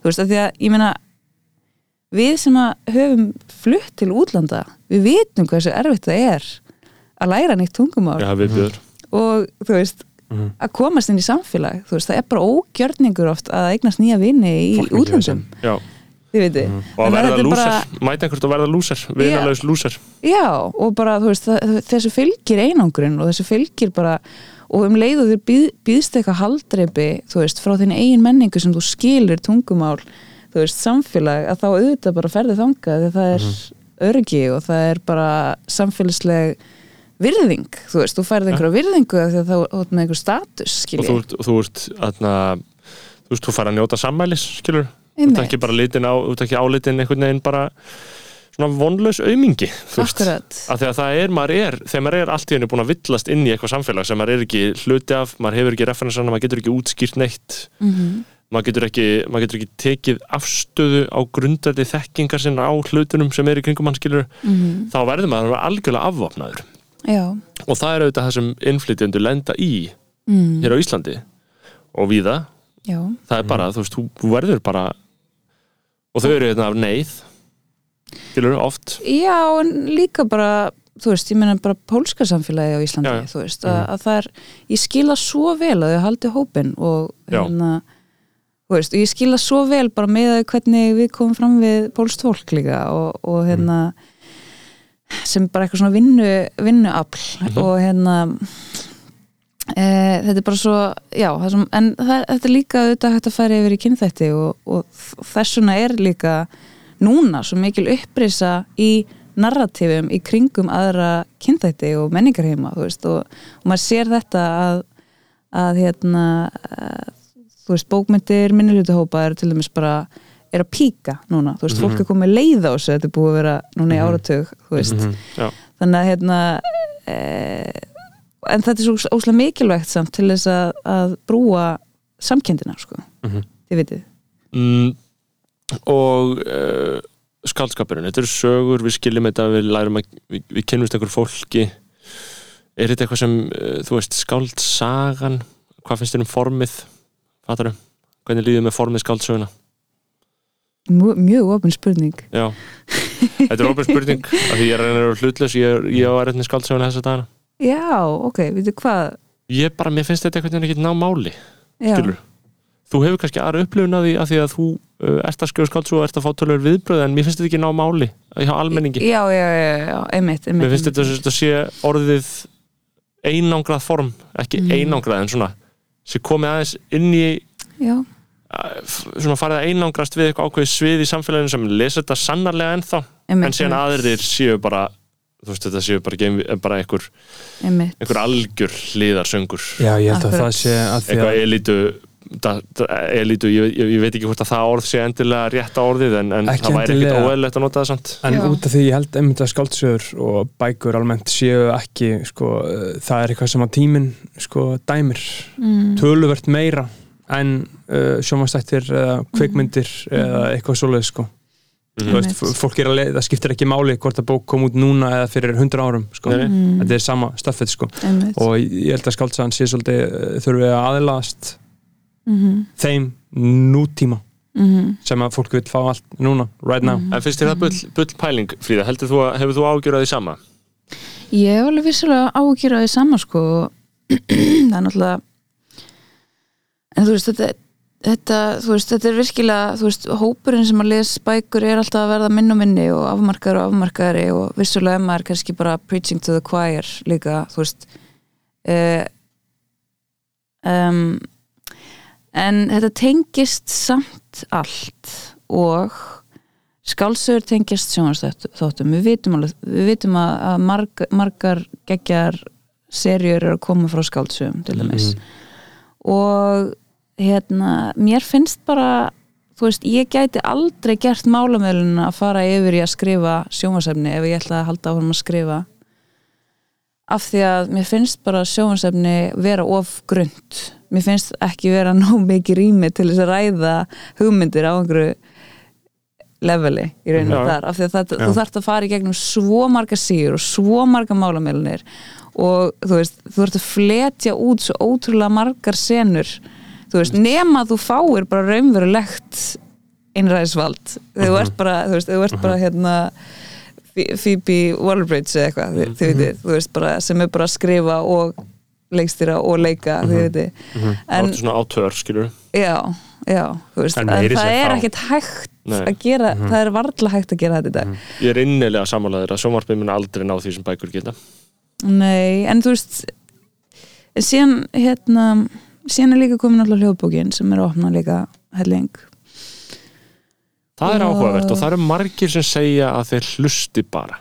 Já, uh, Ég skilja ekki neitt, ég hlusta ekkert ég hlusta aldrei á bækur, ég get ekki einbætt mér að því. Mm. uh, Hvað hver eru möguleikarnir þar, skilur þú veist, er þetta En Sko- hlustar á útvarp? Ég hlusta mikið á útvarp. Já, það er bara ekki nógu hratt en, Já, sko, bækur bara, ég, ég, ég rugglast bara í rýminu og ég get einhvern veginn ef ég er að, þú veist, strauja þá bara einhvern veginn byrja að hugsa um einhvern hnapp og er þá búin að missa á tveimur setningum og mm, þá þarf ég að spóla tilbaka og verð bara pyrrara meðan ég sko fyrirgef það, þau glöp í s- útvarpi í minni útvarslustun, skilur Já, Það er, ég, ég, held að þetta fari líka bara í aðrar heilastöðar sko, að nema talmál og reitmál sko. Já, að einhversi að lesa upp fyrir þig eða einhversi bara að tala sko. já En svo er svona, svona tilfinning sem maður getur fengið þegar maður er að lesa eitthvað sem einhver skrifar. Mhm. og maður er að lesa það og maður er bara já nákvæmlega, þú veist bara þessi þú veist bara já, já, já auðvita á einhver að vera að skrifa þetta frábært. Já, og það, þú veist það getur verið líka bara verið fjölmennagreinar, bara yes, djöfis veistla er þetta, veist. það er aðeinslegt það er bara, maður færi þetta einstakar sinnum í lestri og þetta er besta tilfinning í heimi, er það ekki samanlega því? Jú, algjörlega Bara já, sko. já, já, já, já, já. Ég, ég, ég, ég fekk þetta daginn, ég var að hlusta á hljóðbók sko, að hlusta á þarna, nýja bókina hans uh, Michael Pollan sem er svona þarna, hann var að skrifa nýja bók sem kom út held ég ár um plöntur og tekur sér satt fyrir sko opium uh, og kaffi og meskalín og þetta er þess að hann er svona mataritöfundur uh, og hefur skrifað mikið um psychedelics og svona hvernig þú uh, hvernig þau þjóna okkur, mannfólkinu og eitthvað svona hver sem gerist græmitsæti allt í hennu og skrifaði mér fræða bókum að Jú, hann Já. byrjaði þar sko Já. og síðan skrifaði hann 2019 How to Change Your Mind þar sem að hann Mm. er 60 kallmaður og prófar öll þessi ofskynanlif í fyrsta sinn og skrifar um það sko og þessi nýja bók uh, það er oft topic hjá okkur en það var þetta Mhm. skilur, hann er að tala um meskalín skilur þú veist, það er fucking hvað er fokkanum er það einu sinni? Uh, það er mjög áhugavert að skulle spyrja því. Þannig að því að meskalín er basically ofskynjulif sem að hann telur, hann er mjög gott case að það sé ekki jafn vinsælt og sveppur og allir stíði, einfallega út af þess að það er 14 tíma virkni á því.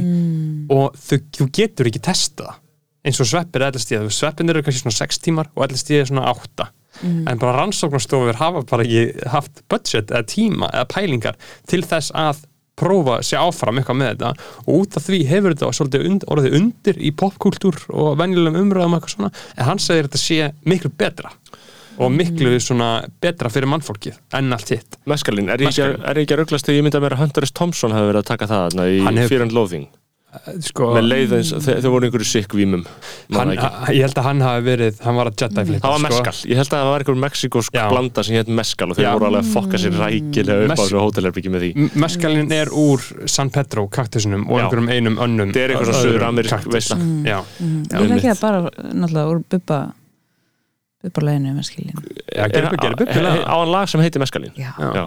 Þið verða að hlusta á það já. við þurfum eiginlega að spila í lók þáttar Já. Já, það er ekki ekki lag sko. Ég hef alveg öskur sungið að eitthvað býðið eftir stræt og en hvenær fegst þú svona moment fríða síðast? bara já, já, já, svona á að skrifa mm, hvað lestu? lestu mikið að enskudóti? Já, ég les svolítið af útlöndum sko e, Síðasta bókin, það var Evarún hérna, fræ?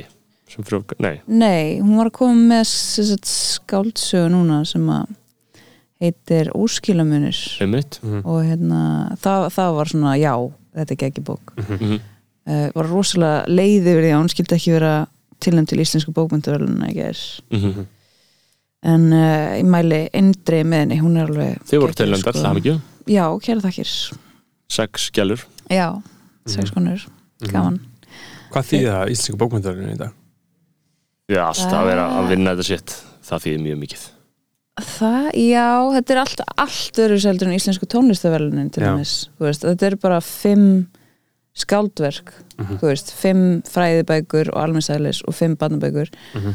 og þú veist, þetta er náttúrulega hérna sko, það eru aðeins með öðru sniði núna því að það er búið að vera að auglýsa eftir domnemnd Já. þannig að þú veist, fólk getur bara sko, svona, þetta er me orðið meiri í rauninni svona lesenda domnemnd Mm. síðastlegin tvö ár þar sem fólk er bara eitthvað íslensku kennarar og bóksæsfræðingar að sækja um að fá að vera í þessari domnefnd en áður þá var það kannski veist meira svona the usual suspects sem voru beðin um og þá, þú veist að vera í þessari domnefnd og þá var þetta kannski meira finnst manni svona heiðursverlaun sko, þú veist bara svona þá fann maður alltaf á því að hverjum var komið Já. þú veist, 100% það var bara það komið að við vinna og komið, mm -hmm. að, að bókinin er algjörlega ólastari og, Mhm. og hérna það var svona, veist, það var svona þessi tilfinning að það væri komið að einhverjum og hérna og það var uh, þannig að þú veist, já, það er svona, það er svona meira kannski tilfinning fyrir æfistarfi Já, það var rosa mikið svona einhver þurft að fá þetta núna, hann þarf að fá þetta núna Já, já, svona, það, já það allan er mín tilfinning. En núna er það meira bara eitthvað svona þú veist miklu meiri wildcards já. síðastlegin tvö ár sem að er Hvað var það, Sölvi Björn Sigursson fyrir tveimur árum? Mögulega með seltu eða var það þar á undan, hver vann þetta Elisabeth? Jökuls. Elisabeth Jökuls vann síðast eða þar síðast, síðast. Síðast sko já, síðast. Já, en, Já, nei, svo, svo var það. Hallgrimur Helgason og svo var það undan Sölvi Björn Sigursson, já Hallgrimur vann 2019 Aha. það er akkurat öfugt en, Já, það er auðvitað, já, Já. Þarna, einmitt. En, en hérna en þú veist, eh, ég meina svikarskáld uh, bókin okkar það er líka algjört wildcard. Þú veist, fólk Já. bara var bara í alvöru þú veist, en það er ógislega gaman samt að þrjár manneskjur hafi lesið þú veist, 70 bækur ákveðið að þetta væri eina af fimm Já. sem að ætti, ætti heima þarna. En þetta er líka í fyrsta skipti í sögu verðlunna sem að skáldverk í þessum flokki fagurbókmynda hefur verið tilnefnt sem að er skrifað af fleiri en einum höfundi. Já, það er mjög veist, þetta er bara snillingurinn alltaf einn upp á yeah. í kaffivímunu eða, eða, eða í amfetamininu Þetta er Ég veit, náttúrulega líka sérstætt form, skilur Þetta er ekkit eðlilegt hjá okkur að vera að skrifa bækur bók saman, sex manneskjur. Nei, einmitt. En það er bara, það er svo gaman þú veist að því að það er rosalega oft sem að rekst á svona yfirlýsingar frá fólki sem er með alveg ákveði kultúral kapital á Facebook sem er bara, já, þú veist, bókmyndir eru dauðar. Veist, þetta er ekki nýtt við erum bara í endurvinslinu núna. Þú veist, en síðan er samt svo margt eftir sem bara fólk hefur ekki alveg hugaflög í, þú veist, bara til dæmis kollektív skaldverk, þú veist, Mhm, já. hvað gerist hvað er að fara að gerast þegar við erum að fara að verða fleiri en einn höfundur? Mhm. og hérna, hvers konar samtal þú veist, það er alltaf annað samtal sem á sér stað í slíku verki heldur en eh, hérna, hjá einum höfundi.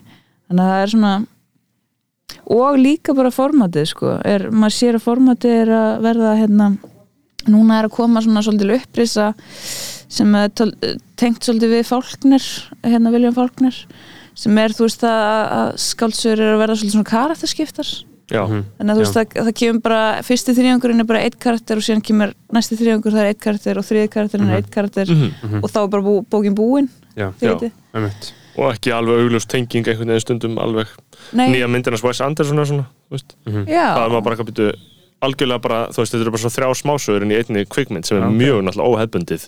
Tengjast en ekki? það, Nei, ekki sjáanlega nema það eru unnar á grundvelli tímarits, sama tímarits. Það er einhvern veginn þannig, þið myndum skilja þegar ég sjá það en, en það, er, það er mjög sérstætt og kom mér úr jafnvægi og smá pyrraður ég vil, að því að þú veist að því maður eru auðvitað fangi formsins líka sem áhorandi, þú veist bara að ég segði mig bara einhverja 90 minna sögu af því einhver þegar einhver byrjar að gera eitthvað, hvernig hann tekst til þegar það er alveg klúrast og þegar það tekst skilur, já, bara söguhetjan þú veist, bara hero's journey.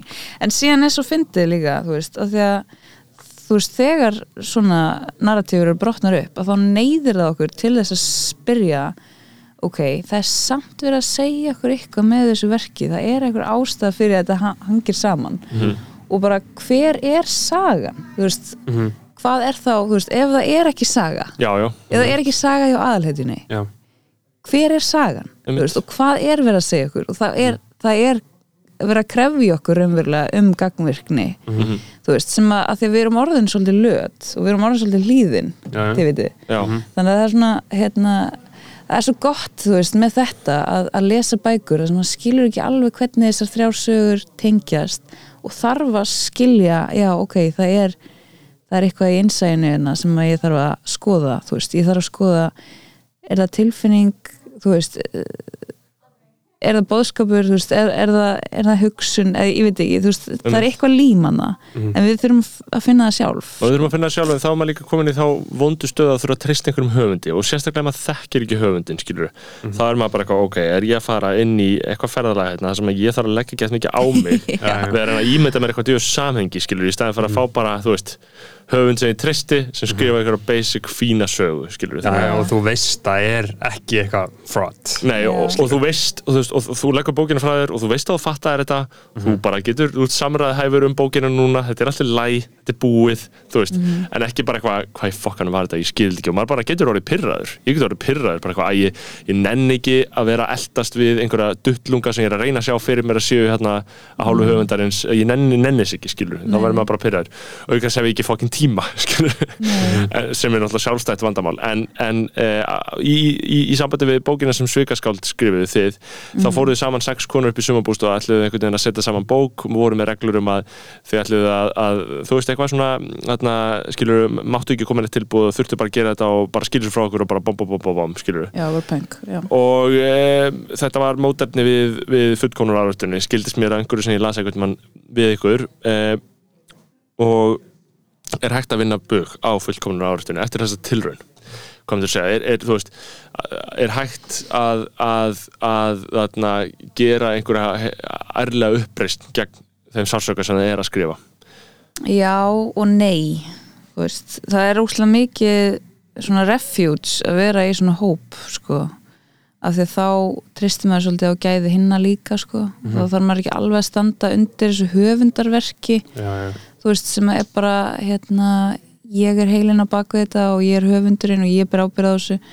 Þú veist að þá hérna, það er óslega næs að vera þið vitið, þú veist bara með eitt sjötta í einhverju. Já, Já, bara þá er bara sig, með- skýla sig á bak við hóp já, já, fær maður þetta hérna, þetta skíli sko. Uh, en, en hérna en síðan náttúrulega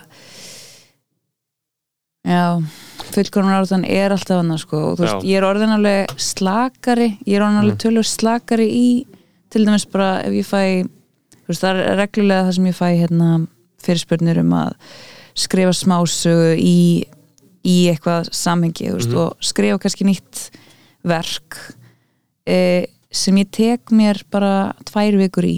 Já, tek mér tvær vikur í að skrifa einhverja nýja smásögu. Mhm.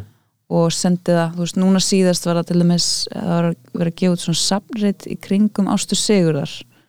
Og ég var beðin um að skrifa smásögu sem var í einhverju samtali við Ástu. Og þú veist, ég myndi náttúrulega aldrei senda frá mér smásögu í rauninni í, til dæmis, þú veist, bara smásögunar í kláða þú veist, það var, það var ekki skrifað á tveimur vikum, það var hérna kannski fyrsta draft á tveimur vikum eða eitthvað og síðan Já. var maður að endur heimsækja þetta aftur, aftur, aftur. Uh, en hérna þú veist, núna var þetta bara já, ok, ég er að fá, þú veist, 35.000 fyrir þetta, ég ætla ekki að eyða meir en hálfu mánuði. Nei, nei, þið vitið, Já, þú já, veist þannig. já, þetta er hérna 70.000 á, á Viku. er svolítið já. vikukaup sko, rúmur þannig, að, 2000 kall á dag þannig að hérna þannig að maður er bara eitthvað, þú veist, ég get ekki lagt meiri vinnu í þetta meða við, sko Einmitt. þú veitir, en En það síðan er gott að geta sætt sér við þetta. Það geta ekki allir sætt sér við Það myndu sumir bara vinna í fjóra mánuði frýtt fyrir þetta allt skilur Mhm. Já, en það er síðan, síðan, að síðan sér maður þetta í prenti og maður er bara ah, þetta er komið í prent. Já, þú veist, þetta Mhm. er komið í bók. Bara, Mhm. ég er ekki ánum með þetta. Nei. Þú veist, en veist, ég, þetta, þetta geti Já. verið svo miklu betra. Mhm. en, en þetta er samt bara það sem kom og maður verður líka að, að leifa sér að vera með eitthvað svona miðlungs Já, já, já, Já, það, það, það er það sem maður læri sérstaklega sem uh, podcastari sko. að þú tekur upp, gefur út heldur áfram, svo er Aldrei. þetta behind you. aldrei hugsa tilbaka. Nei, skilur, þegar þú ert í svona mikill framlýslu uh, bara horfa áfram. Bara, já, ok, þetta er búið, já, áfram, búið og gert. Sem er mjög erfitt að gera með skrif, Mhm. get ég uh, trúað, en ég held að það sé, þú veist eins og bara fréttir skrifa fréttir og hugsa ekki um þar Nei, ég get ekki endur heimsótt gamla greinar Ég bara les ekki gamla greinar, skilur, bara ever. Það eru bara til Það eru til, ég veit að það eru til En það er bara, þú veist, getur þú Myndið þú fara að opna kláða og lesa smásögu? Og fara að kritisera sjálfa þig?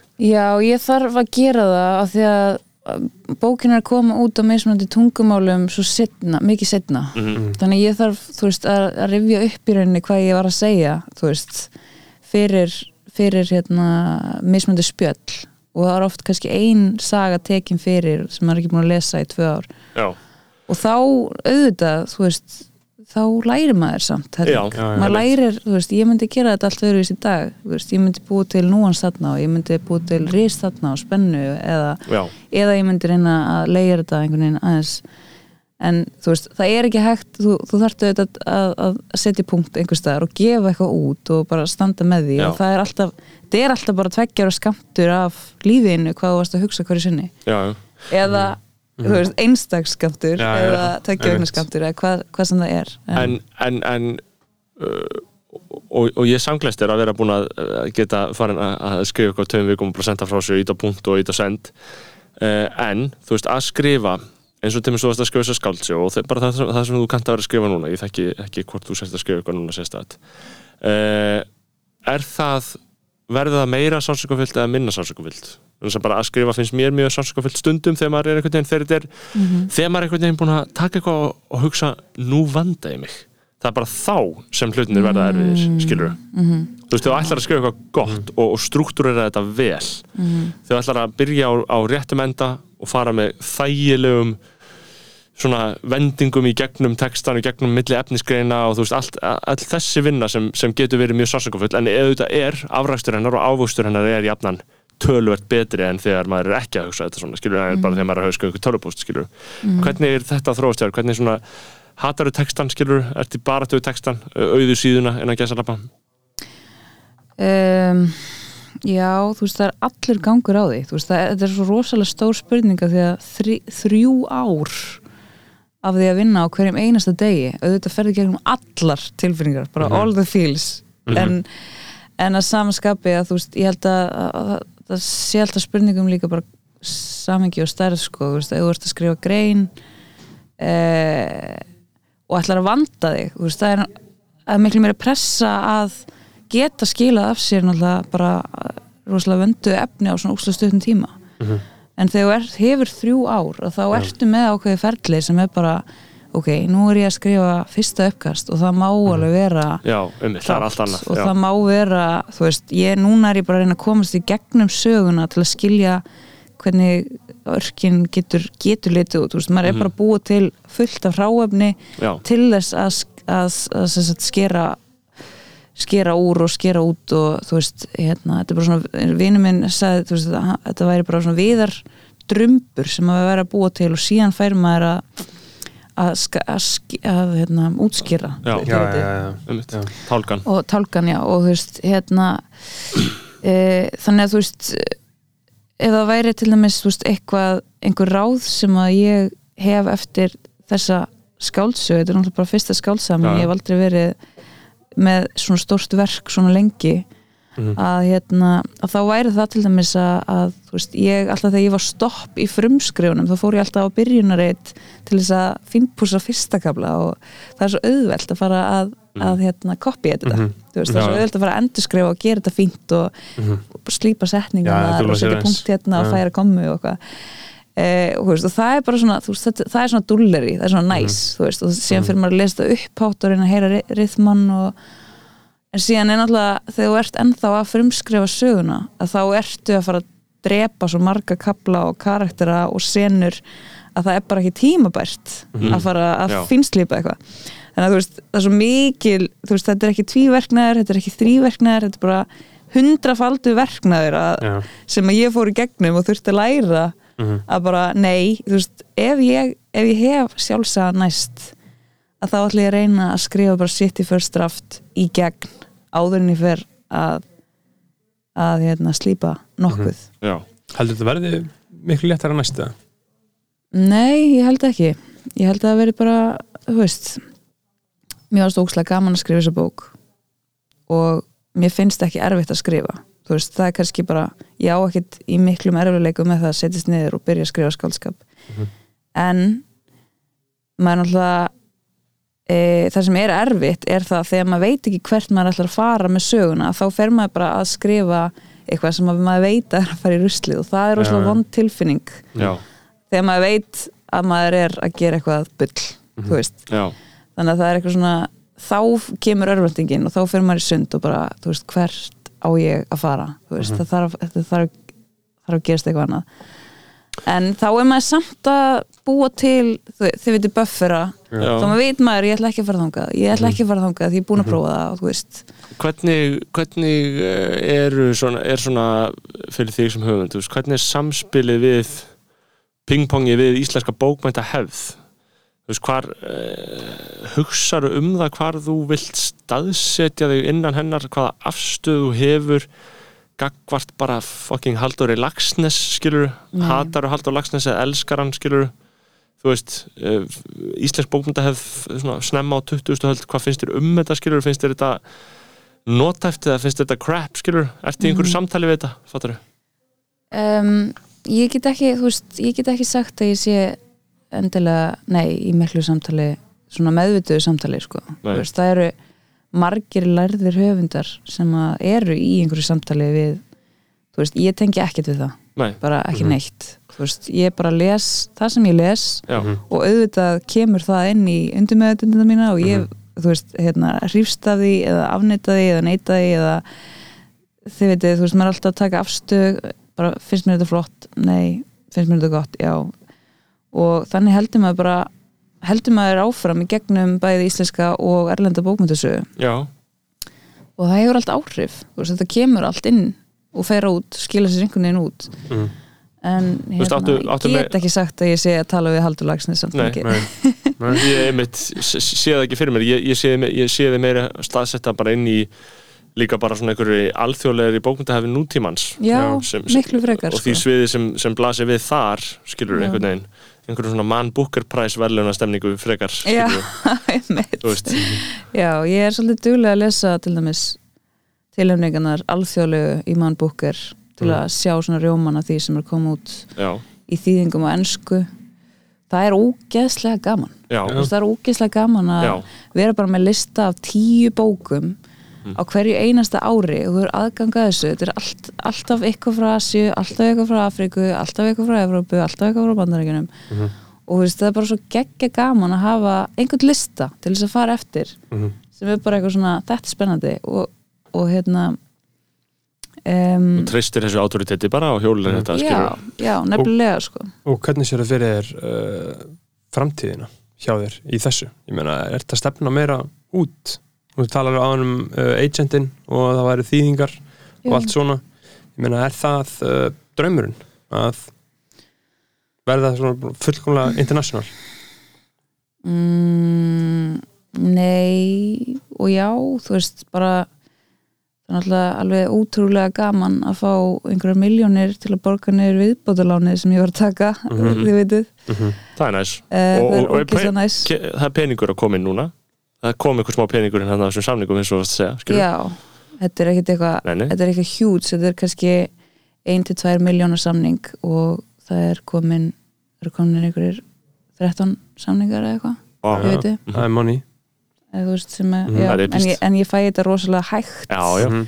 þú veist, ég fæ bara hérna og svo endar húsið, svo endar útgáð húsinu að græða, skilur, það er þau sem græða, skilur Já, nokkulega, ég fæ 8% á selt já, sko. já, það er eitthvað. Uh, en hérna þannig að færi að vera fræði í, í Frankfurt.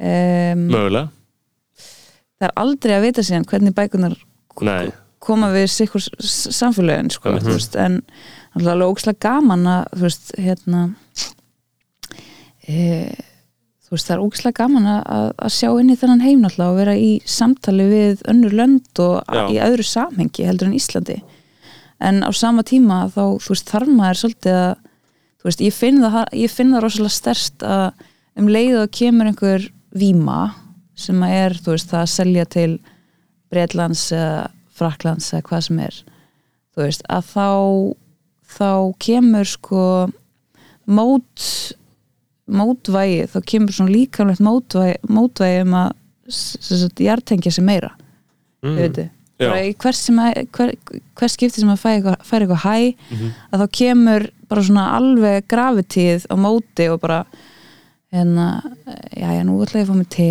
og ég ætla ekki að þú veist, hér er líf mitt já, líf mitt er það að vera búa í vesturbænum og fá mér veist, kaffi á morgnana og bygglu úr fristinum, þið vitið, og fara í heitapottin og Mhm. eiga vini og fjölskyldu og, og, og fara að vera móðir og Já. þú veist, þetta er einhvern veginn svona Já.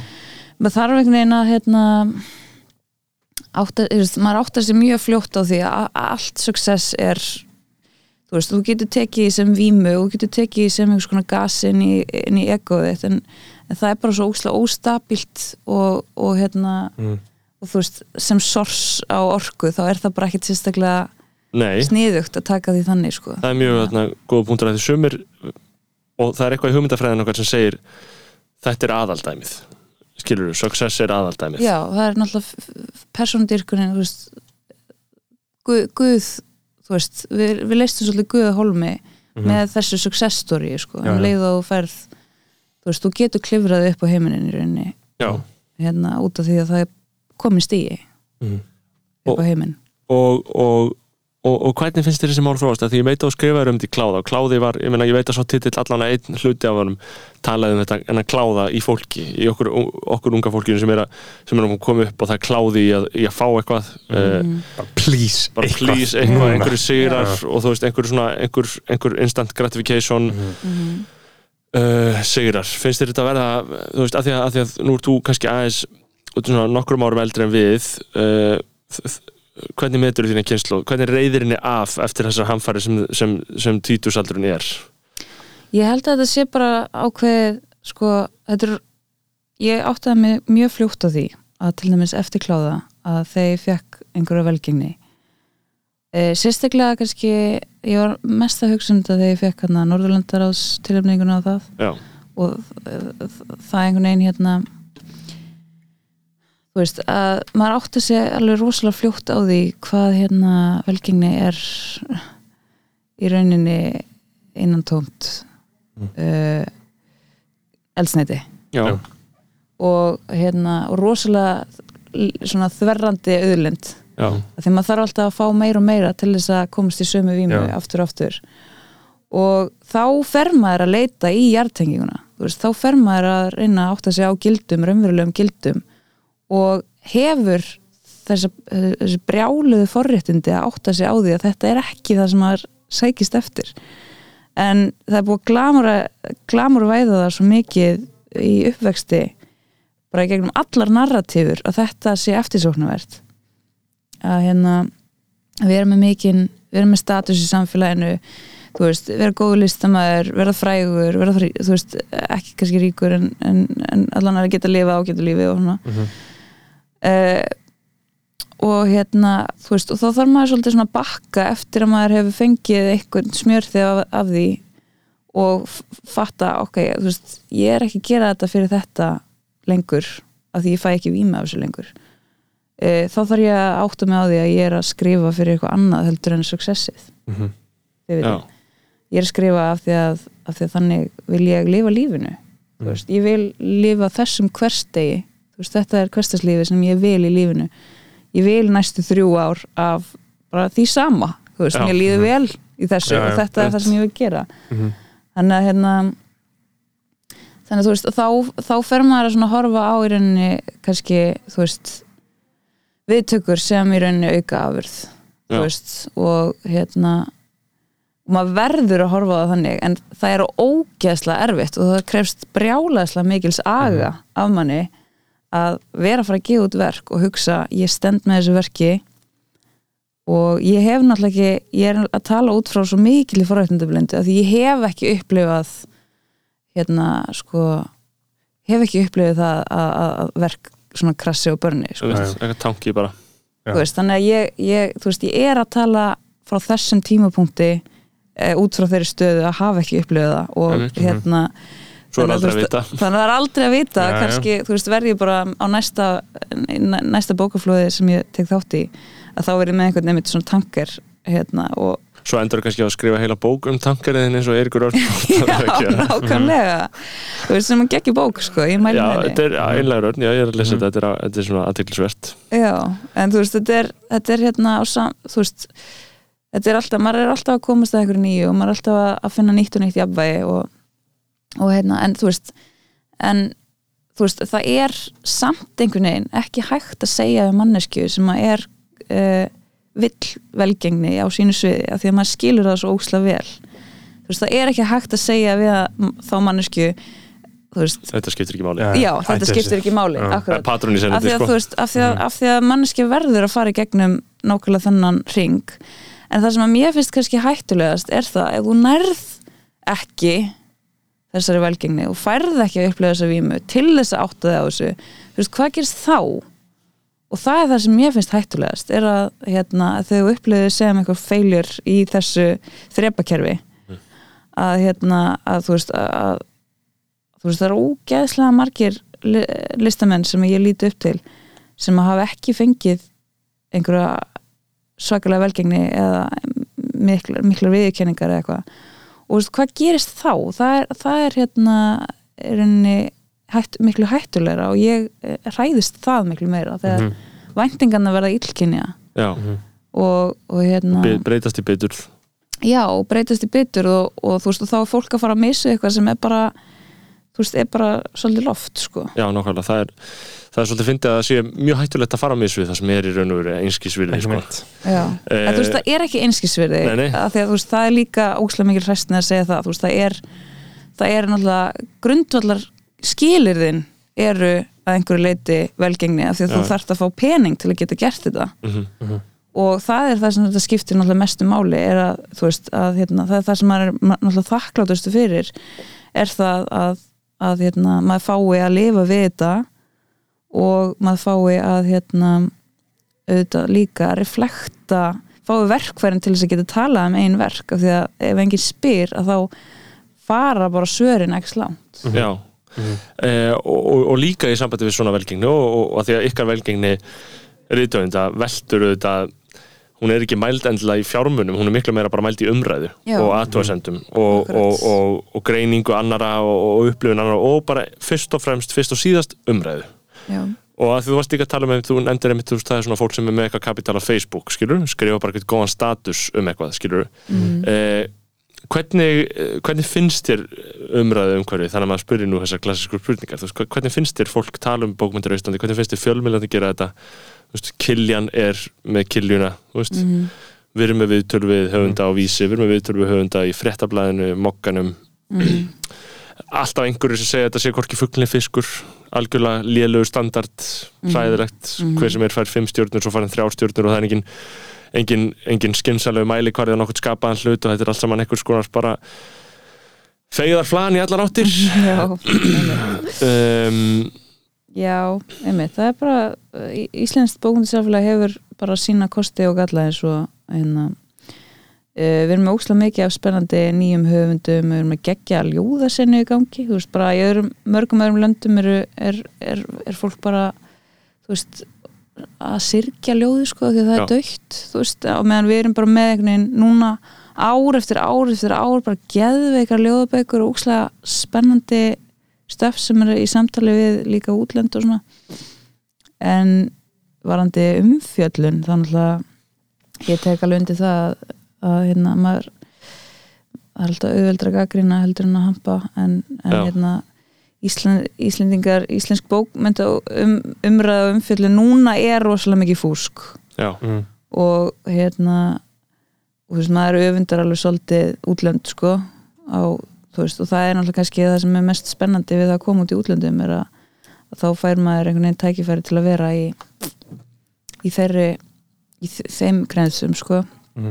Þegar hérna er þetta bara einhverjir veist, þrýr þrýr dómar sem Mhm. er að býða eftir þremur eða fjórum dómum mm, og þetta er bara þrjár manneskjur þrýr mismunandi lesendur Mhm. sem að er að setja einhvern tón Mhm. fyrir það hvernig verkinu þínu verður tekið Mhm. í staðin fyrir tugir þú veist, sem að Já. hafa þá faglega álitskoðun og þetta er oft líka já það, er eftir líka bara að koma með einhvern svona tölfræðilega eðlileg skekkjumörk í, já, skilur það ertu bara með svona eðlilega tölfræðilega breytt, skilur einmitt, en hitt er bara alltaf að fara að vera svona disproportionate, skilur akkurat svo mikið. Og maður sér líka alveg að, gaggrindur er að lesa hvern annan því að já, það er svo oft sem einhver les veist, einhver, fyrsti gaggrindin er að setja svo mikið tónin Mhm.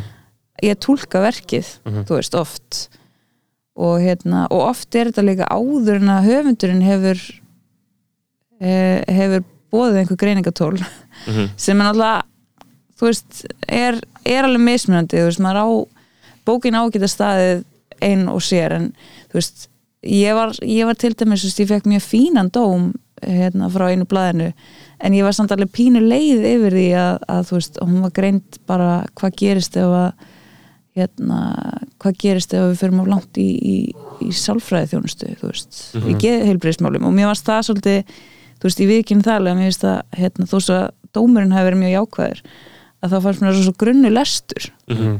af því að það var eitthvað sem ég vildi ekki segja með bókinni. Þannig að ég fekk svona fyrir hjarta bara, þú veist, þetta var daginn eftir eitthvað að bókin kom út og þá bara guðminn almáttur er, þú veist, fólk bara að fara að horfa á þetta og, og sjá að ég, þú veist, lesa út úr því að ég sé gaggrina geðhelbriðskerfi sem að er alltaf bara, þú veist, átökin eru í rauninni bara búin til, til þess að maður geti farið einhvert annað. Já, já.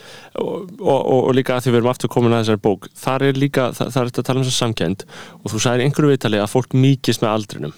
Mm eh, sem mér finnst áhugavert og mér finnst það satt og ég óttast að það sé að henda mig eh, að ég sé að verða mýkri og þar með miklu ömulegri manneskja skilur að því að mjúkar manneskjur sem hafa ekki raunverulega sterkar skoðanir eru lítils virði sérstaklega í fjölmjöla umhverfinu En hver er munurinn á því að vera mjúkur og vera sama? uh, mjúk, það er basically sama, er það ekki? Eða, þú veist, að, þú veist, að þegar þú ert úlingur að því að ég, ég er náttúrulega bara að taka þín orð og algjörlega tegja þessu undur saman, bara að segja það sem ég finnst. Eh, þú ert ungur, skilu, þá hefur rótaka skoðanir og þú ert í mennskóla og þú ert að segja bara já, þarna, þessi hérna verður að fokka sér, þessi verður að breytast.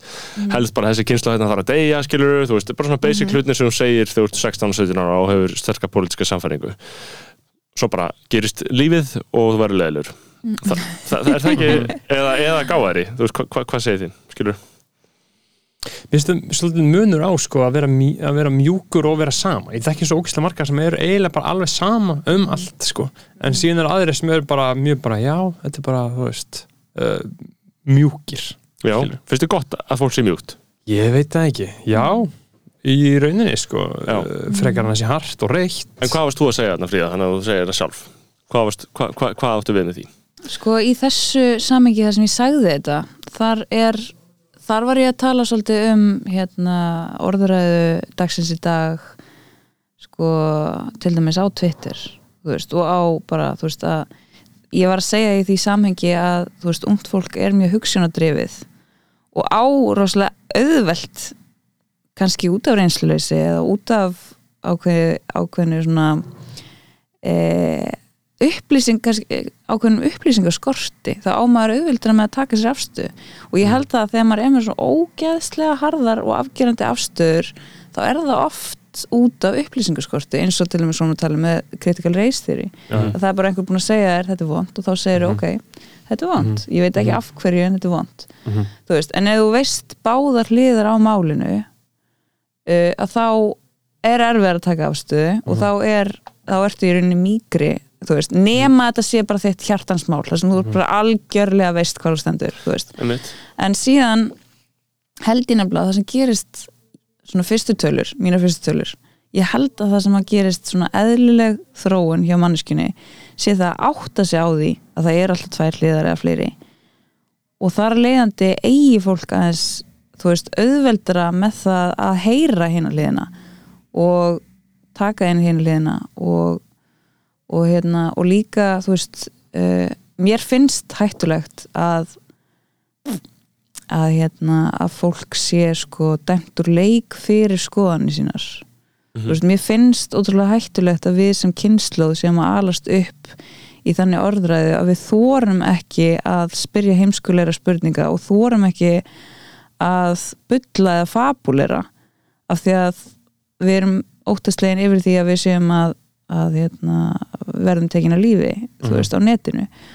Og ég held að þetta sé svona veist, það er ekki rými í samfélaginu okkar til þess að fabulera og beðast afsökunar og bakka og skiptum skoðun af því að orðin eru komin hana, skoðun er komin hana og það mun ekki ná til eins margra þegar maður bakkar eða skiptur um skoðun skilji, þú veist, það er alls konar svona Já, þú veist þannig að þetta er svona þú veist uh, já, ég, hérna, ég veit þú veist, ekkert almennilega hvernig það var þú veist, ég meina það voru skoðanapislar og það voru blöð og svona en, en hérna e, færri sem voru með fjölmiðlavaldi þetta, þú veist, núna eru við öll komið fjölmiðlavaldi og það er bara hérna one click away sem er svolítið þú veist, líka það að við getum alltaf aktað impulsíft algjörlega á e, í sko reyð, reyðu orkuna okkar til dæmis, þegar Já. okkur ofbyður eitthvað. Um, og væri best að geta það ekki jafn mikið. Það væri rosa gott að hafa buffer sem væri bara, hérna, Twitter væri bara ertu viss um að þú sérst þessar Já. skoðunar eftir klukkutíma, viltu býða og við þetta væri bara tíu að buffer, bara postbuffer þú Já. hittir það og þú myndir bara, þú myndir bara þurfa að býða einmitt, þú veist. Eh, bara, ætlaði að muni koma þannig þú veist, svona fetus up svona, svona, svona Já, 100%. extensions. Já, það væri öflugt.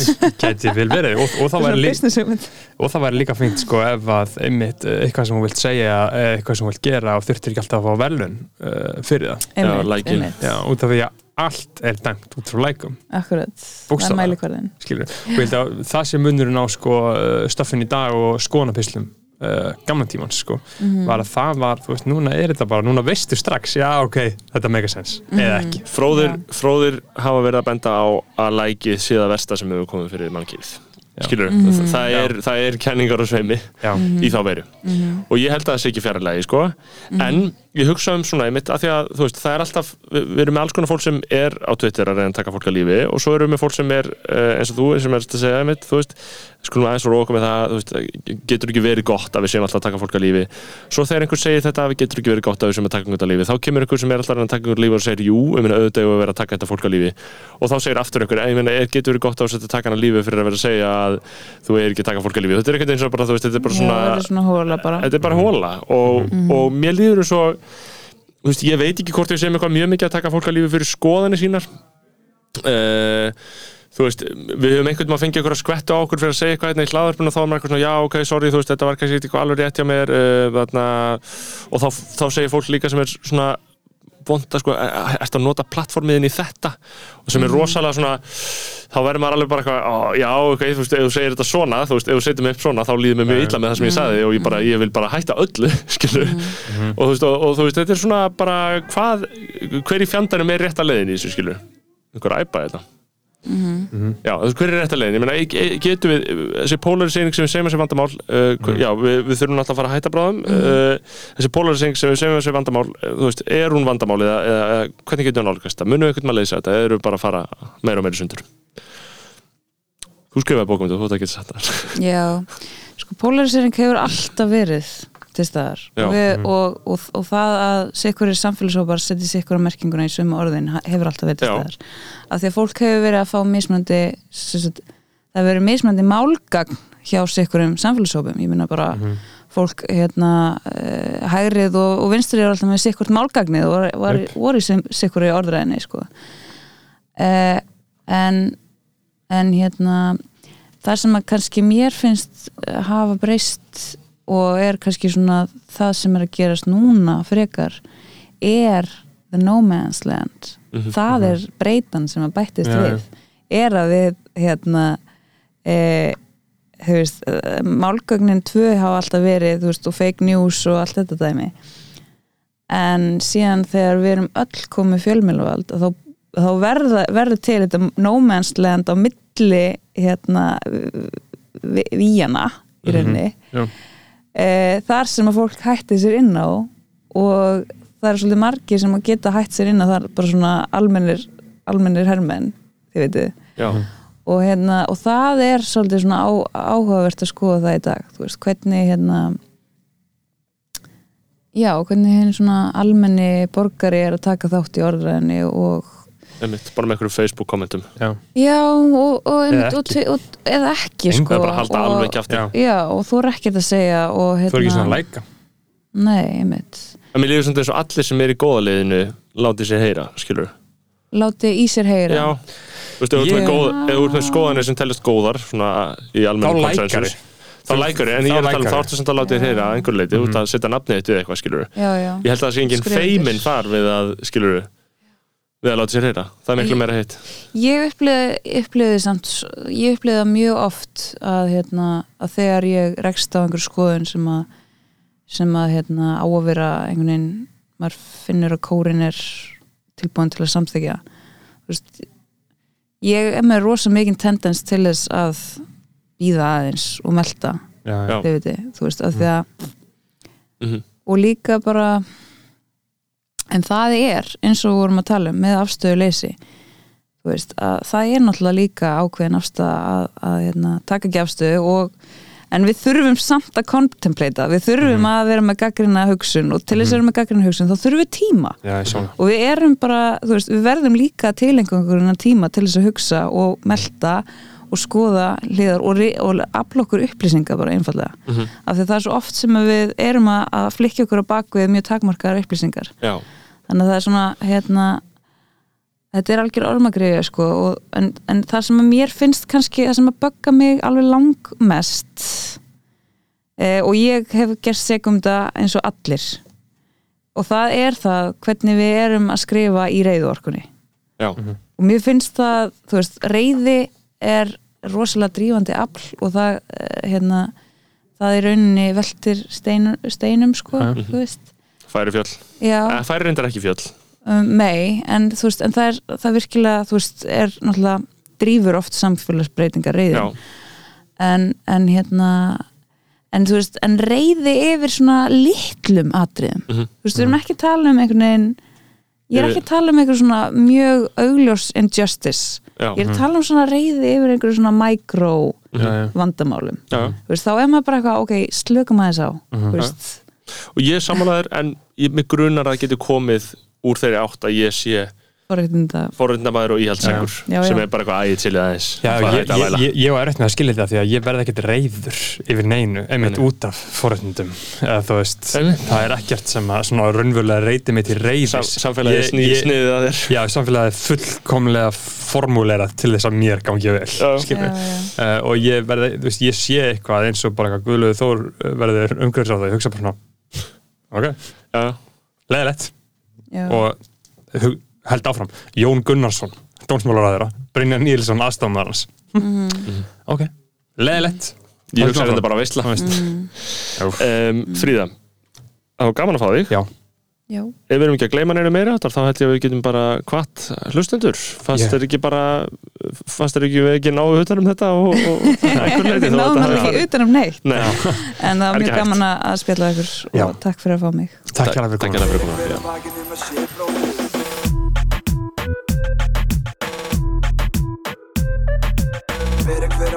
um að sé